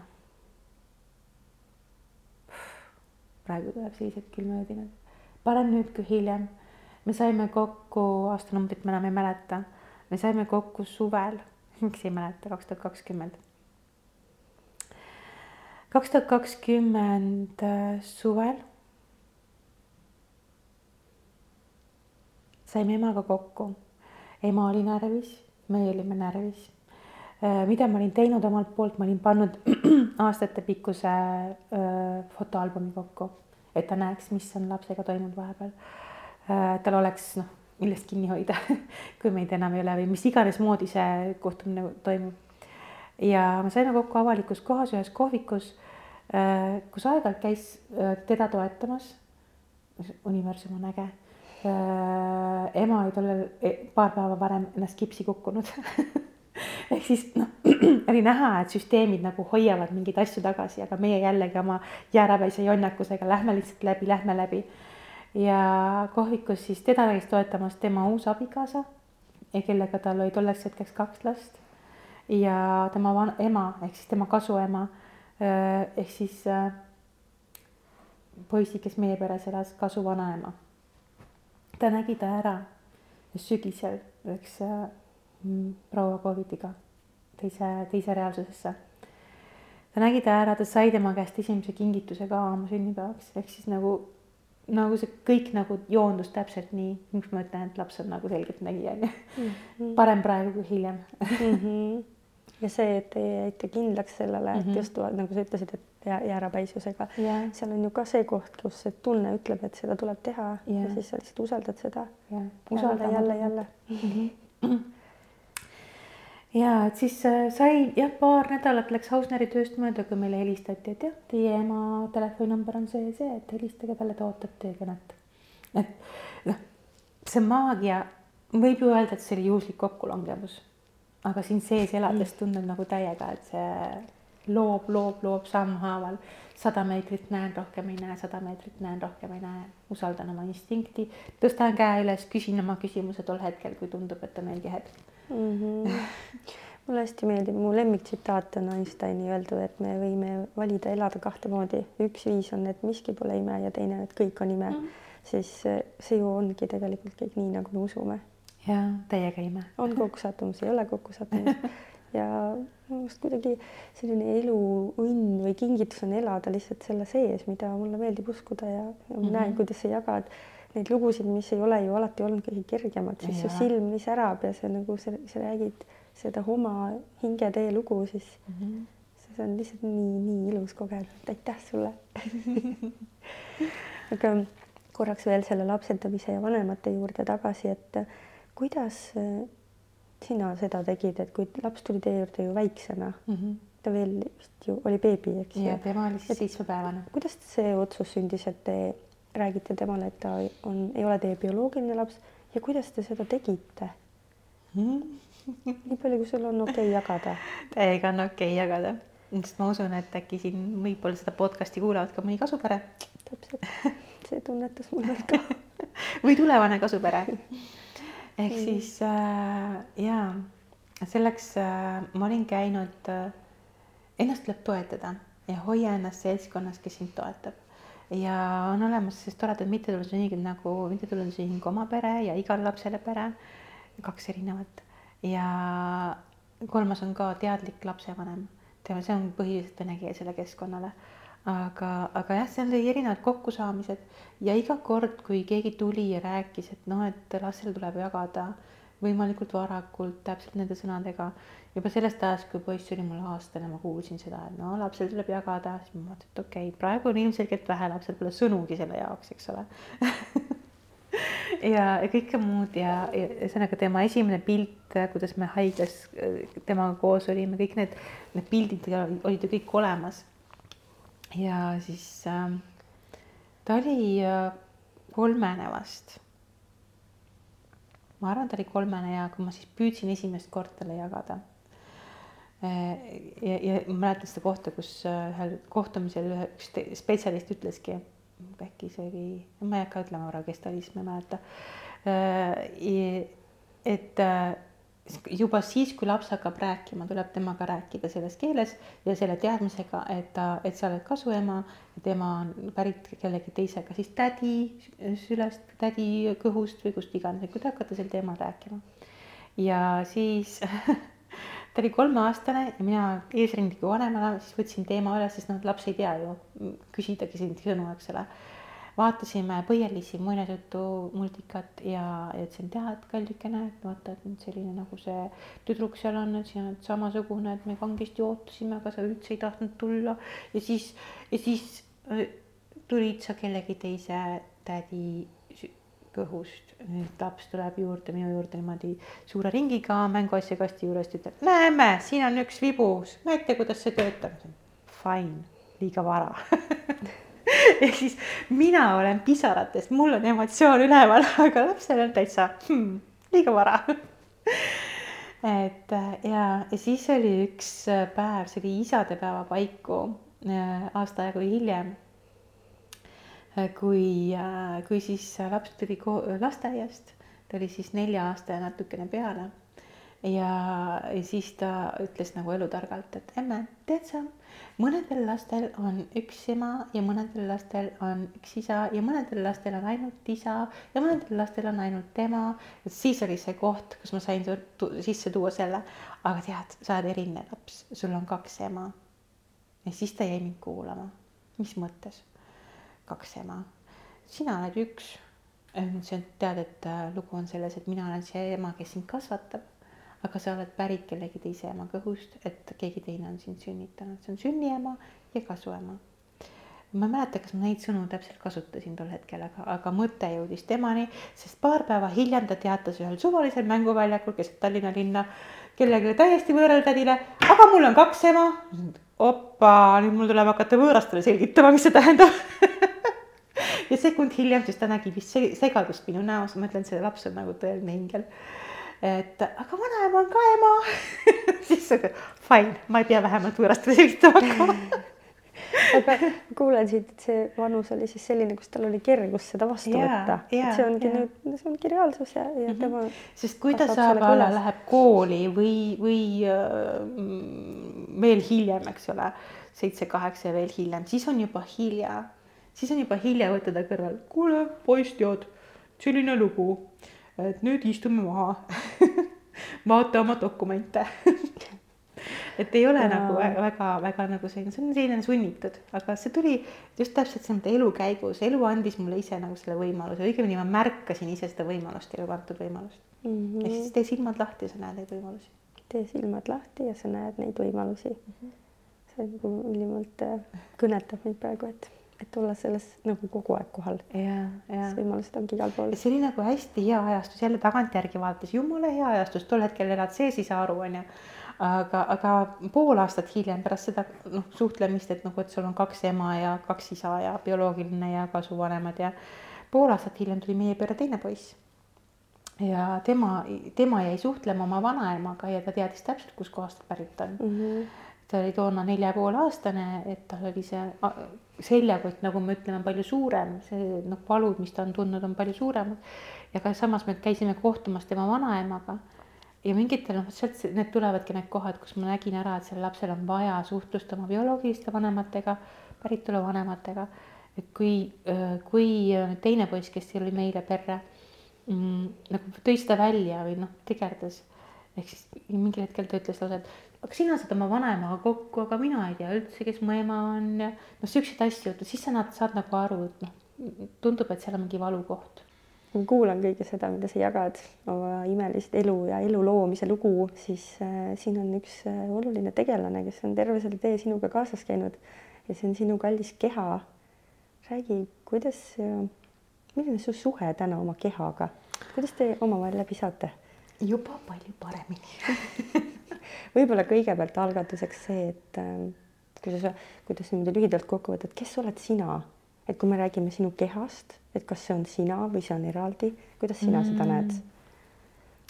ma näen, et äh, igas ühes meist, kes me siia oleme kehastunud, on, äh, on palju erinevaid väikseid os osasid ja keha on üks nendest osadest.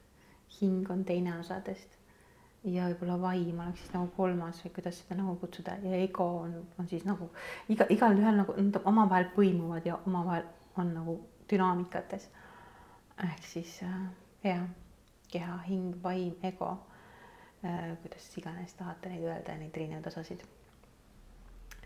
ehk ja ma näen, et minul on minu keha ja mina saan otsustada oma keha üle äh,, mis ta on, kuidas ta on ja keha on see, kes on aidanud mind läbi aastate, aastakümnete, aidanud mind protsessida erinevaid protsesse, aidanud mind äh, hoida, minu keha nagu hingekodu. ja hetkeks, kui sa saad aru, et sa ei ole oma kodu hoidnud, on päris karmid hetked olnud. seesama koht, kus ma rääkisin kehavälisest viljastamisest erinevad äh, ained, mida endasse sai tol hetkel siis nii tablettidena kui süstidena manustatud, et see ei olnud kerge mu kehale. Tegelikult, kui ma alustan nagu veelgi varasemast, siis ma olen läbi elu olnud täitsa prullakas kogu aeg. viimasel ajal on küsitud, et ükskord küsiti, et millal oli sinu ideaalkaal minu ideaalkaal oli pärast oma lapse sündi üllataval kombel. ehk siis, kui ma olin kahe, kahekümne, alla kahekümne aastane, siis ma kaalusin viiskümmend kaheksa kilo oma pikkuse juures meeter seitsekümmend kaks oli nagu liiga ohtlik juba veitsa. Ema oli täiesti šokis, küsis, et oled sa kindel, et see kaal ei valetanud? aga noh, toona aasta siis oli üheksakümmend kaks, et ma ei tea, kas ta valetas või mitte. Aga, aga ma olin hästi kleenuke tol hetkel ja nagu mul üks sõbranna hiljem ütles, kõigepealt tuli nina ja siis tuli kõik ülejäänud, ehk siis nina oli enam-vähem ainuke, mis välja ulatus aga jaa. Mm.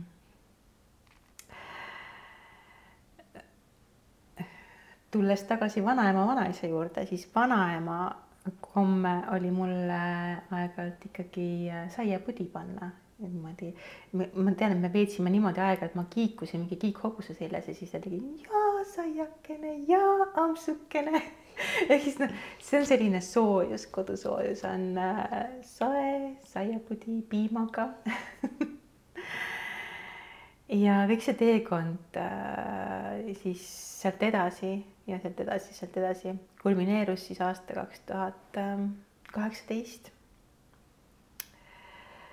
Äh, kaks tuhat kaheksateist ja tegelikult enne seda, kui oli äh, meie ühine tuttav Marlen Annabel lõi oma mm, Turbiin plussi ja siis oli neid kooskäimisi kohti, kus me saime kokku, kus naised tegid energiatööd ja oli hästi toreda inimese juures saime kokku jälle, üks naistekas oli. ja ma mäletan seda hetke kui ma ei sulandanud sisse. see oli nagu noh, mina olin tollelt hetkelt tulnud mingisugusest päevastelt sündmustelt, mingisugune hästi asine ja hästi nagu ma olin nagu endaga õudselt rahul, sest ma olin teinud päris mitu asja päris mitmel rindel ja, ja siis ma lähen sinna, maandun, kõik on üleni kleitides, ilusad, seljerdavad, sädelevad. ja siis point iti mind välja, et aga vaata, kus sa oled omadega. ehk see on ühest küljest on jõhker selline nagu väljatoomine, aga teisest küljest oli mulle tollel hetkel seda vaja, sest ma saaksin aru, mida ma oma kehaga tegelikult teen. sest äh, rääkides saiapudist, eks ole, selline nagu ebateadlik toitumine oli tollel hetkel nagu kogu aeg saatis mind nagu sõin siis, kui juhtus seda, mida juhtus, siis jah, saiasid ma tolleks hetkeks enam väga ei söönud, aga nagu kõik need räpid ja siuksed nagu nipet-näpet ikka ja kiirelt ja, ja kartulkastmega ja kõike siukest asja ikka tuli ette. mitte tuli ette, vaid see oli mu peamine toidus. Mm, ja siis Marlen oli see, kes tõi äh, meie gruppi, naistegruppi siis tol ajal Turbiin pluss äh, kus meiegi kokku saime. ma tahtsin nagu, ma ootasin, kuidas seda hetke, et ma tahaks teiega öelda siin, et tervitused Marlenile, et sa meid kõiki oled kokku toonud, sest äh, meie saime tuttavaks tänu mm -hmm. Turbin plussile ja tegelikult suur osa naisi, kes täna on minu elus olulist rolli mängimas, on tulnud läbi selle kogukonna, nii et. täiega ja sama siin, et äh, enamus naistest on tulnud läbi kogukonna sealt, äh, kes minu elus praegu on mm.. enamus sõpradest jah headest hingesugulastest ju, see on see korraks siia põigates kõrvale mm, -hmm. et kui meil on siin see oma perekond, oma süsteem, siis mm -hmm. meil on siin elus ka hingeperekond, keda mm -hmm. me siis siin kehastuses ise valime. ja oma sõbrad saame ju ise valida, eks mm -hmm. ole, see, taak, mis meil on, teinekord on konstellatsioonihüpe, mõnikord on vaja nagu tulla siia juurde ja saada ressurssi aga teinekord juhtub, et siin ei ole seda ressurssi. Ja ma olen teinud ka mõnedki väljatööd sellised, kus me lihtsalt paneme siia puhastava joone vahele, ütleme läbi selle tulgu siis ainult äh, puhas ja tervendav ressurss. Ja siis saad natuke vabamaks siit sellest sõlmedest ja, ja minna siis oma perekonna juurde, kelleks siis on sõbrad-tuttavad, täpselt need inimesed, kelle sa enda ellu ise valid ja see ei tähenda, et me peaks kedagi hülgama, vaid just nimelt siin on see valiku koht, et mm -hmm. mis, mis minule hetkel rohkem panustab, mis keskkond on mm -hmm. see, kus ma saan olla mina ise. ma lugesin ühte hästi-hästi toredat taipamist, ma ei mäleta enam kuskohast, aga üsna hiljuti. meie ei ole kellelegi võlgu ja meil ei ole keegi võlgu. ehk siis me ei ole oma vanematele võlgu selle eest, me oleme tänulikud nendele või, me võtame vastu selle eest, mis nad meile andsid ja mida nad anda suutsid, aga me ei ole võlgu selle eest. ehk siis jah ja. saame minna edasi lihtsalt, öelda aitäh, võtta vastu kõik see, mis antud on ja teha oma eluga täpselt see, mis äh, edasi paremat loob. ja seda sa ka tegid selle, et. sisetunde järgi. ja, ja ja sina see, selle loo juures, kus me pooleli jäime, seda ka tegid, sest sa tegid siis seal selles kogukonnas ka enda jaoks ühe julge otsuse jälle ja. kord. see oli, see oli julge otsus, aga seda nagu saatis selle kõrval. kaks tuhat kaheksateist oli aasta, kus oli minu ja minu isale äh, surma-aasta. Äh, ja minul oli tolleks hetkeks hästi raske, sest äh, isa oli viimase staadiumi vähiga ja see oli kevadest tegelikult alates. kevadest alates äh, maad-, maadlesime, on palju öeldud, aga tegelesime sellega, et viisin arstide juurde, sõitsin koju Saaremaale, kõike seda, et ma nägin tema hääbumist üsna lähedalt. ja siis sel samal päev, samal hetkel, samal, samal aastal tuli mu ellu ka selline sõna nagu Wildfit. Erik Edmides on selle loonud tead sellest palju rohkem rääkida, ma saan aru, et seal podcast ides on juba räägitud sellest. Aga minu ellu tulid aasta kaks tuhat kaheksateist, siis ei olnud Eestis veel neid coach'e, kes praeguseks on juba, kelleks Harri on saanud, eks ole, ja veel meie tutvusringkonnas on palju neid. ja siis ma õppisingi nii, et äh, sedasama Wildfiti läbisin nii, et see oli nagu rahvusvaheline programm, olid mingid rahvusvahelised coach'id kuskil kaugel ma vist isegi ei teinud ühtegi kõnet nendega. lihtsalt nagu jah, nendes ühistes kõnedes olin kohal, aga ühtegi sellist nagu noh, Zoom kõnet või sellist nagu üks-ühele vestlust ei olnudki nagu ma olen läbinud selle programmi ka teist korda, siis Imelise Pireti käe et, et see oli nagu hoopis mingi muu maailm, hoopis nagu sügavamalt puudutas. et sel hetkel, kui mina tegin Wildfiti aasta kaks tuhat kaheksateist, siis oli rahvusvaheline programm. Eestis väga coach'e ei olnud ja Marlen äh, tõi selle nii-öelda hindi või siis sellise nagu vihje mulle sinna kogukonda. ja ma tean, et seal kogukonnas päris mitmed süttisid selle sealt, sealt kaudu. ja isegi ühtegi vist kõnet ei teinud, ehk siis jah. aga mm, mäletan väga hästi sellel, sellel Valgvidi teekonnal on üks koht, üks pikk koht, kus on äh, ei, ei ole ühtegi süsivesikut ega selliseid asju ei sööda, ongi ainult roheline ja liha, roheline liha. ja see, äh, see koht jäi samasse aega, kui mul isal olid peielauad ehk siis visamatuste aega. ja ma mäletan seda valikut, et ei, ma ei vali sealt laualt mitte ühtegi kartulit, ma ei vali sealt laualt mitte ühtegi kastet, ma võtan ainult liha ja salati teistele minu ümber tundus see mingi imelik, et noh, Lea on täitsa šokis ja ei oska süüagi enam aga mul nagu õnneks, õnneks oli see võimalus, et ma ei, sa, sa sai ise nagu võtta neid asju, mis ma võtsin. jah. ja aasta jah, kaks tuhat kaheksateist oli see, kui ma tegin Wildfiti, selle kuuekuulise teekonna jooksul ma võtsin esimest korda kakskümmend kilo alla. alustades olin ma sada kaksteist ja lõpetades siis äh, üheksakümmend kaks, jah. mitte lõpetades, vaid see oli tegelikult äh, jah, ongi see Malfit ise on kolm kuud, eks ole, kestab, aga just poole aasta pärast olin siis kakskümmend kilo alla võtnud ja siis ma jäin nagu laperdama sinna, et ei suutnud valida, ei teha, teha neid õigeid valikuid. võib-olla, aga ju see nii pidi minema. minu jaoks oli see õige teekond sest mõned aastad hiljem ma valisin jälle Wildfiti, aga siis ma sain rohkem sealt sellist vaimset nagu teekonna tuge, et, et see number ei muutunud nii väga. ja kuni siis eelmise aasta, praegu on meil kakskümmend kolm, eks ole, kaks tuhat kakskümmend kaks sügiseni ma nägin, et äh, ma ei muutu üldse või kui, siis ainult tuleb juurde, ehk siis mu keha tahab mind kaitsta ja võtab pigem nagu juurde igasuguseid gramme ja kilosid, eks ole. ükskõik, mis ma söön, mul on suhkrut on ammu, ammu jäänud ära. ehk siis ammu oligi see kaks tuhat kaheksateist, tollest ajast mitte ühtegi suhkrut, mitte ühtegi kohvi, mitte ühtegi äh, nisutoodet, kartuleid vältisin, kõik noh, sellist, sellist asja äh, ja piimatooted ka kõik väljas. kuni sinnamaani välja, jah, lihtsalt ma räägin pärast mm. -hmm. ma korraks küsin selle kaitse kohta, et sa tõid sellise asja välja, et sa näed, et keha kaitseb sind ja paneb mm -hmm. juurde siis, siis rasvakihti. mismoodi siis seda seletaksid kellelegi, kes võib-olla ei ole kokku puutunud sellise asjaga, et meie keha võib kaitsta meid millegi eest mm.? Eesti keeles on hästi öeldud päästerõngas mm -hmm. selle kohta. see, mis on siin? jaa okay. ehk siis see ongi sõna otseses mõttes päästerõngas. Ehk siis iga kord, kui me sööme midagi, me sööme mm, lisaks sellele toitainele ka neid emotsioone, seda energeetikat, mis meie ümber on ja mis meie sees on ja mis meid valitseb.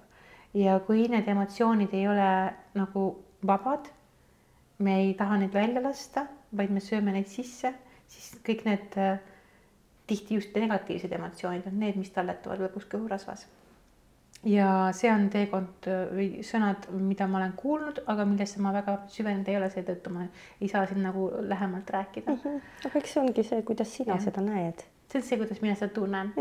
ja, ja kui ma olen nagu stressis, kui ma ei suuda äh, praegu on ka see periood, kus ma natuke olen stressis ja ma ei suuda nagu lahti lasta oma tunnetest, siis, siis ma pigem kas võtan juurde või olen sellel stabiilsel platool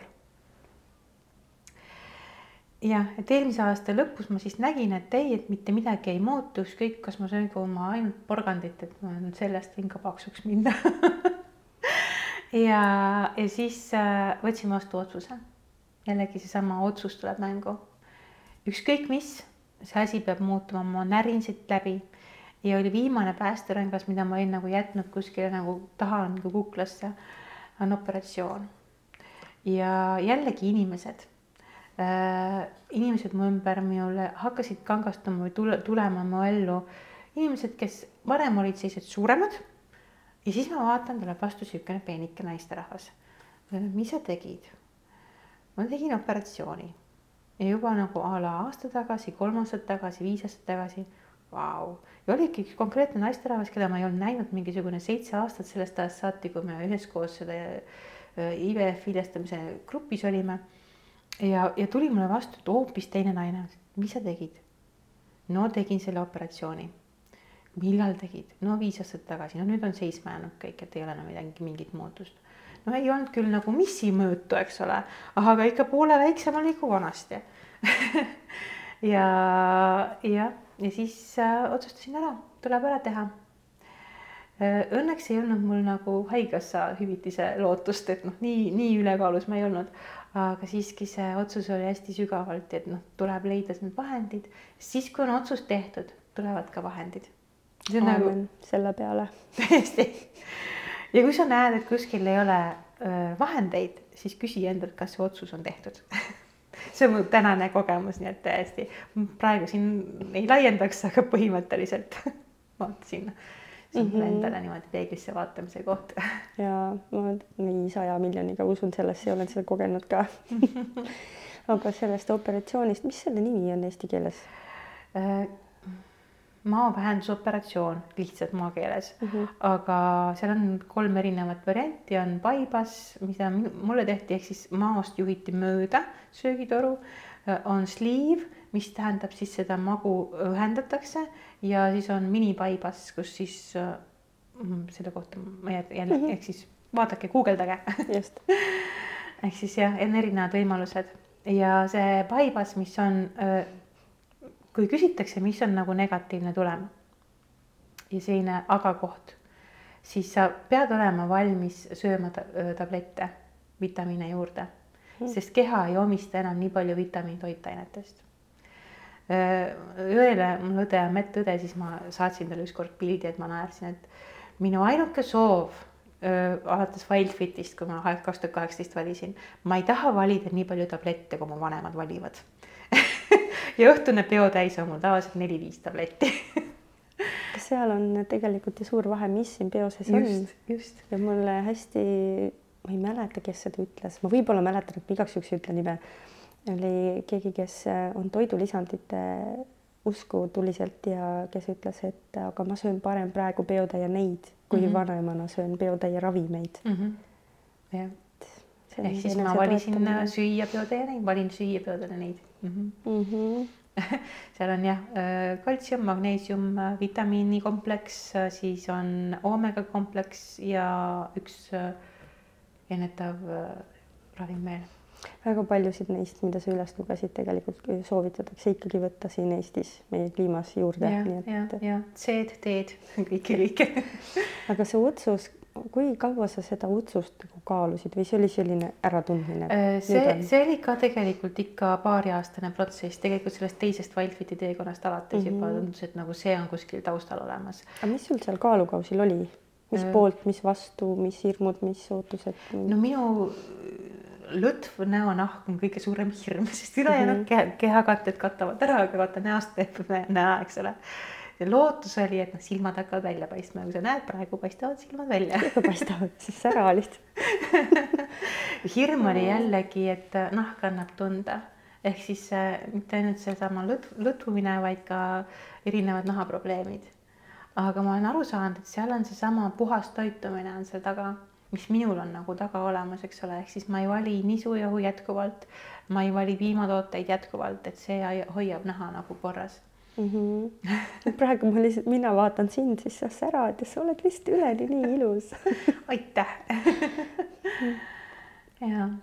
ja siis see otsuse koht. see otsuse koht tuligi selle koha pealt, et, et mul ei ole enam kuskil no, samamoodi nagu ma tulin Saaremaalt ära, samamoodi nagu on erinevaid nagu otsuseid tehtud elus praegu on nii paha olla, ehk siis keha juba kannatas erinevate kante pidi, juba ei viitsi kõndida, ei suuda käia. ja just seesama lootus, et äkki nagu kasvõi viis kilo kergemini on kergem käia, oled sada kolm kilo tol hetkel oli nagu maksimumkaalus seekord. et siis äh, no ei jaksa olla.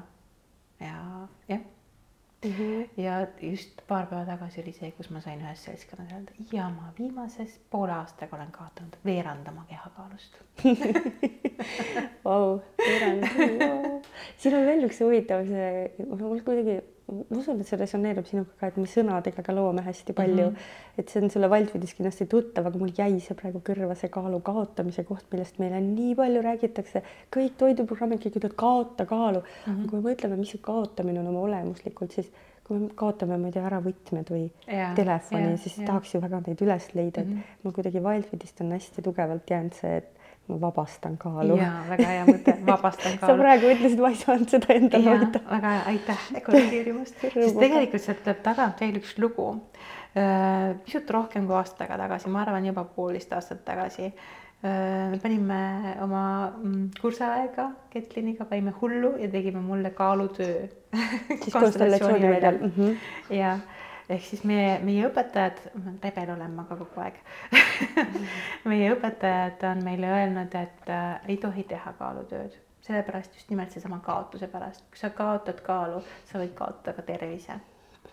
ja, aga sealt tuli ka välja, sellest samast tööst tuli välja erinevaid põhjuseid, just neid samaseid sidemeid kuskilt tagant, kellega, kellega seoses nad on olnud, kes on olnud äh, ennast kaitsmas oma kaaluga, sest paljud naised tahavad olla pigem, pigem inetud ja paksud kui tahetavad ja sest see on nagu ohtlik on olla nagu ilus. ja see ei ole miski teadlik soov, eks ju, see on alateadvuse mustrid. teadlikult, et oh, küll ma tahaks olla selline nagu missi kandidaat, aga alateadvus ütleb, kui sa oled missi kandidaat, siis sa oled öö, ahvatlev, siis mehed tahavad sind tähelepanu ja siis sealt edasi kõik see rada. ja kui meil on kuskil taga trauma ärakasutamise, vägistamise teemad, see ei pea olema meie praeguses elus, see võib olla eelmises elus, see võib olla oma suguvõsa eludes, kuskilt mujalt oleme selle programmi üles korjanud, siis äh,, siis keha ei kaota kaalu. pigem võtab juurde, sest nii on mugavam. nii on ohutum, see on see koht, kus ma ütlen, keha kaitseb mind mm. -hmm. lihtsalt keha ei ole teadlik sellest, mida mina juba tean. sest keha on nii tark mm -hmm. selles mõttes, et ta tegelikult selles mõttes. ta nagu teab mm, -hmm. et mis on temal vaja, et sina saaksid püsida elus mm -hmm. ja ta teeb seda, mida tal on vaja teha. keha on nagu ego tööriist ehk siis ja mm. täiega.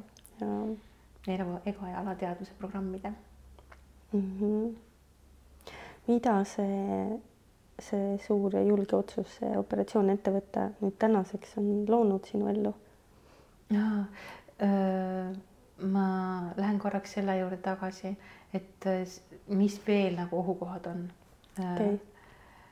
üks on tablettide söömine, et sellega pead arvestama ja teine on esimesed paar kuud. sa pead arvestama, et sa pead uuesti õppima sööma. et esimesed paar kuud ei ole lihtsad sest äh, magu või maatus või see olek, mis seal sees on, kus kohas seedeprotsessid on hoopis uue, uues kohas. Nad äh, teinekord sai lemmikasjad, näiteks nagu lõhefilee, enam ei lähe sisse sest no lihtsalt see ei ole valmis enam vastu võtma. keha reageerib hoopis teistmoodi. jah, su küsimus oli, et mis see on loonud mulle jah, lisaks selle kaalu vabastamisele ja mm, -hmm. ja sellele. liikub oma eluviisi täiesti mm -hmm. nii, et, et juba esimese viie kilo järgi, nagu ma ütlesingi, et kui ma viis kilo kaotaks, siis ma suudaks liikuda, et siis tuli see nagu liikuda tahtmine tagasi.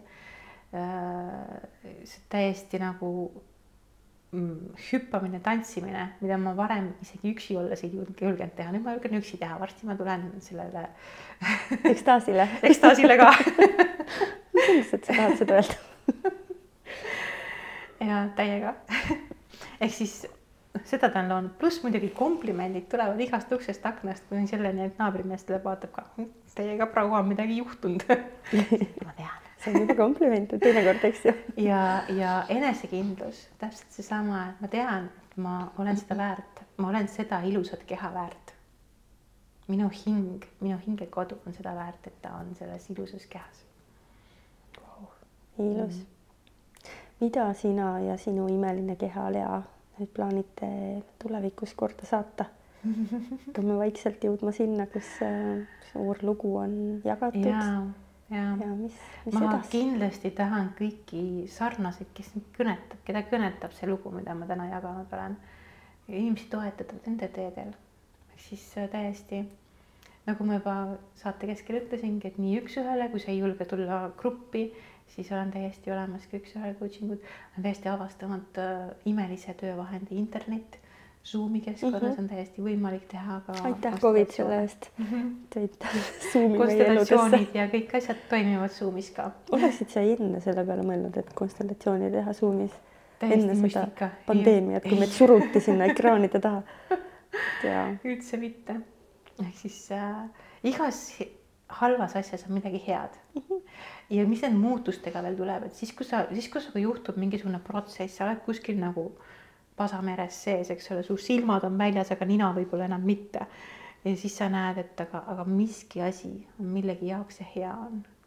ja kui sa lihtsalt usaldad seda, et see midagi millegi jaoks see hea on, sa ei pea teadma seda vaid lihtsalt elukogemus on näidanud, et kõik asjad, noh, sama pandeemia on vähemalt selle jaoks hea, et on tulnud meie ellu Zoom ja me ei pea minema väga kaugele välja, me ei pea olema pidevalt kuskil lähetustes, me ei pea kogu aeg ninupidi kokku saama. kui palju aega see loob meile selleks, et olla iseendaga, oma lähedastega. jaa. täiega ja kui sa näed seda sellest, sellest kehvast kohast, kus nina juba peaaegu et juba hakkab uppuma, et millegi jaoks on hea, sest see annab selle jõu, selle jõu ennast välja tõsta sealt niimoodi juukseid pidi ülespoole mm. -hmm. ja see tulevik siis, et sa praegu teedki konstellööri tööd ja toetad mm -hmm. kasuperesid mm, -hmm. siin võtad vastu Zoomis. kus sa edasi liigud, mis, kuidas, kuidas sulle praegu tundub, mis seal udu taga on ma jätkuvalt ei näe mm. -hmm. ja aga see nagu suundumus ikkagi on sinna, et, et teha koos midagi.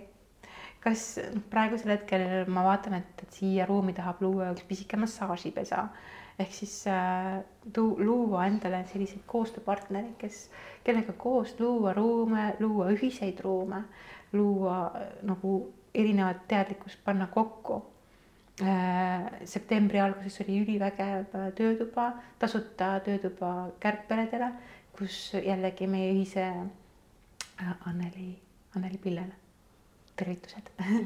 Ühises äh, turbiinis kokku saanud naised, eks ole, me saime kokku ja, ja lõime sellise viiepäevase tasuta töötoa jällegi Zoomis ja sealt sai Anneli Pille jagada oma, oma teadmisi vägivallatust suhtlemisest ja ohvri kolmnurgast, kuidas me seal koperdame ja kuidas me saame sealt välja tulla. ja mina oma teadmisi konstellatsiooniteooriast ja sellest suurtest süsteemide, süsteemsest teooriast, eks ole. et äh, täiesti võrratud, võrratud loomised on ees ehk siis suund on ühisesse loomisesse, kuidas see täpselt toimub, ma ei tea. kas see tuleb äh, läbi füüsilise keskkonna või tuleb see hoopis läbi äh, intellekt-, ühis-, sellise Zoom'i või selliste internetikeskkondade, ma ei tea mm. -hmm. aga ma täiega tunnen, et äh, kuskil on toredad koostööpartnerid, kellega koos luua mm. -hmm. aga aitäh sulle, lihtsalt nii suur aitäh sulle, et sa olid valmis tulema siia ja jagama kõike mm -hmm. seda, mida sa jagasid.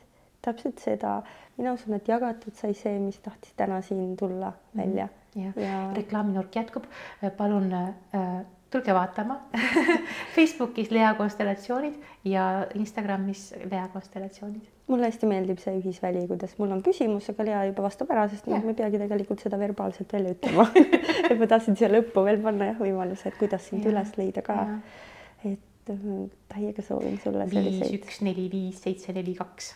helista mulle see on nüüd tore ja mina soovin sulle täiega neid soodsaid pärituuli sinu tiibadesse, et sul ikka oleks seda julgust, mida sul jagub edaspidi ka tunda ära see, mis on sinu jaoks nagu kõige õigem ja siis minna selle järele ja niimoodi, et see tähetolmu rida on järgi ja kõik saavad inspireeritud, kes seda saavad kogeda. ja kõik need ilusad sõnad, mis sa väljendasid sulle ka, aitäh. aitäh. hea vaataja-kuulaja, kus kanalis sa meieni jõudsid, siis näeme juba järgmises episoodis. ja kui sind miski kõnetas, siis sa oled väga teretulnud jagama seda episoodi ja kui sa tead kedagi, kes võiks siia saatesse tulla külaliseks, siis sa võid mulle otse kirjutada sellest äh, Facebooki ja märku anda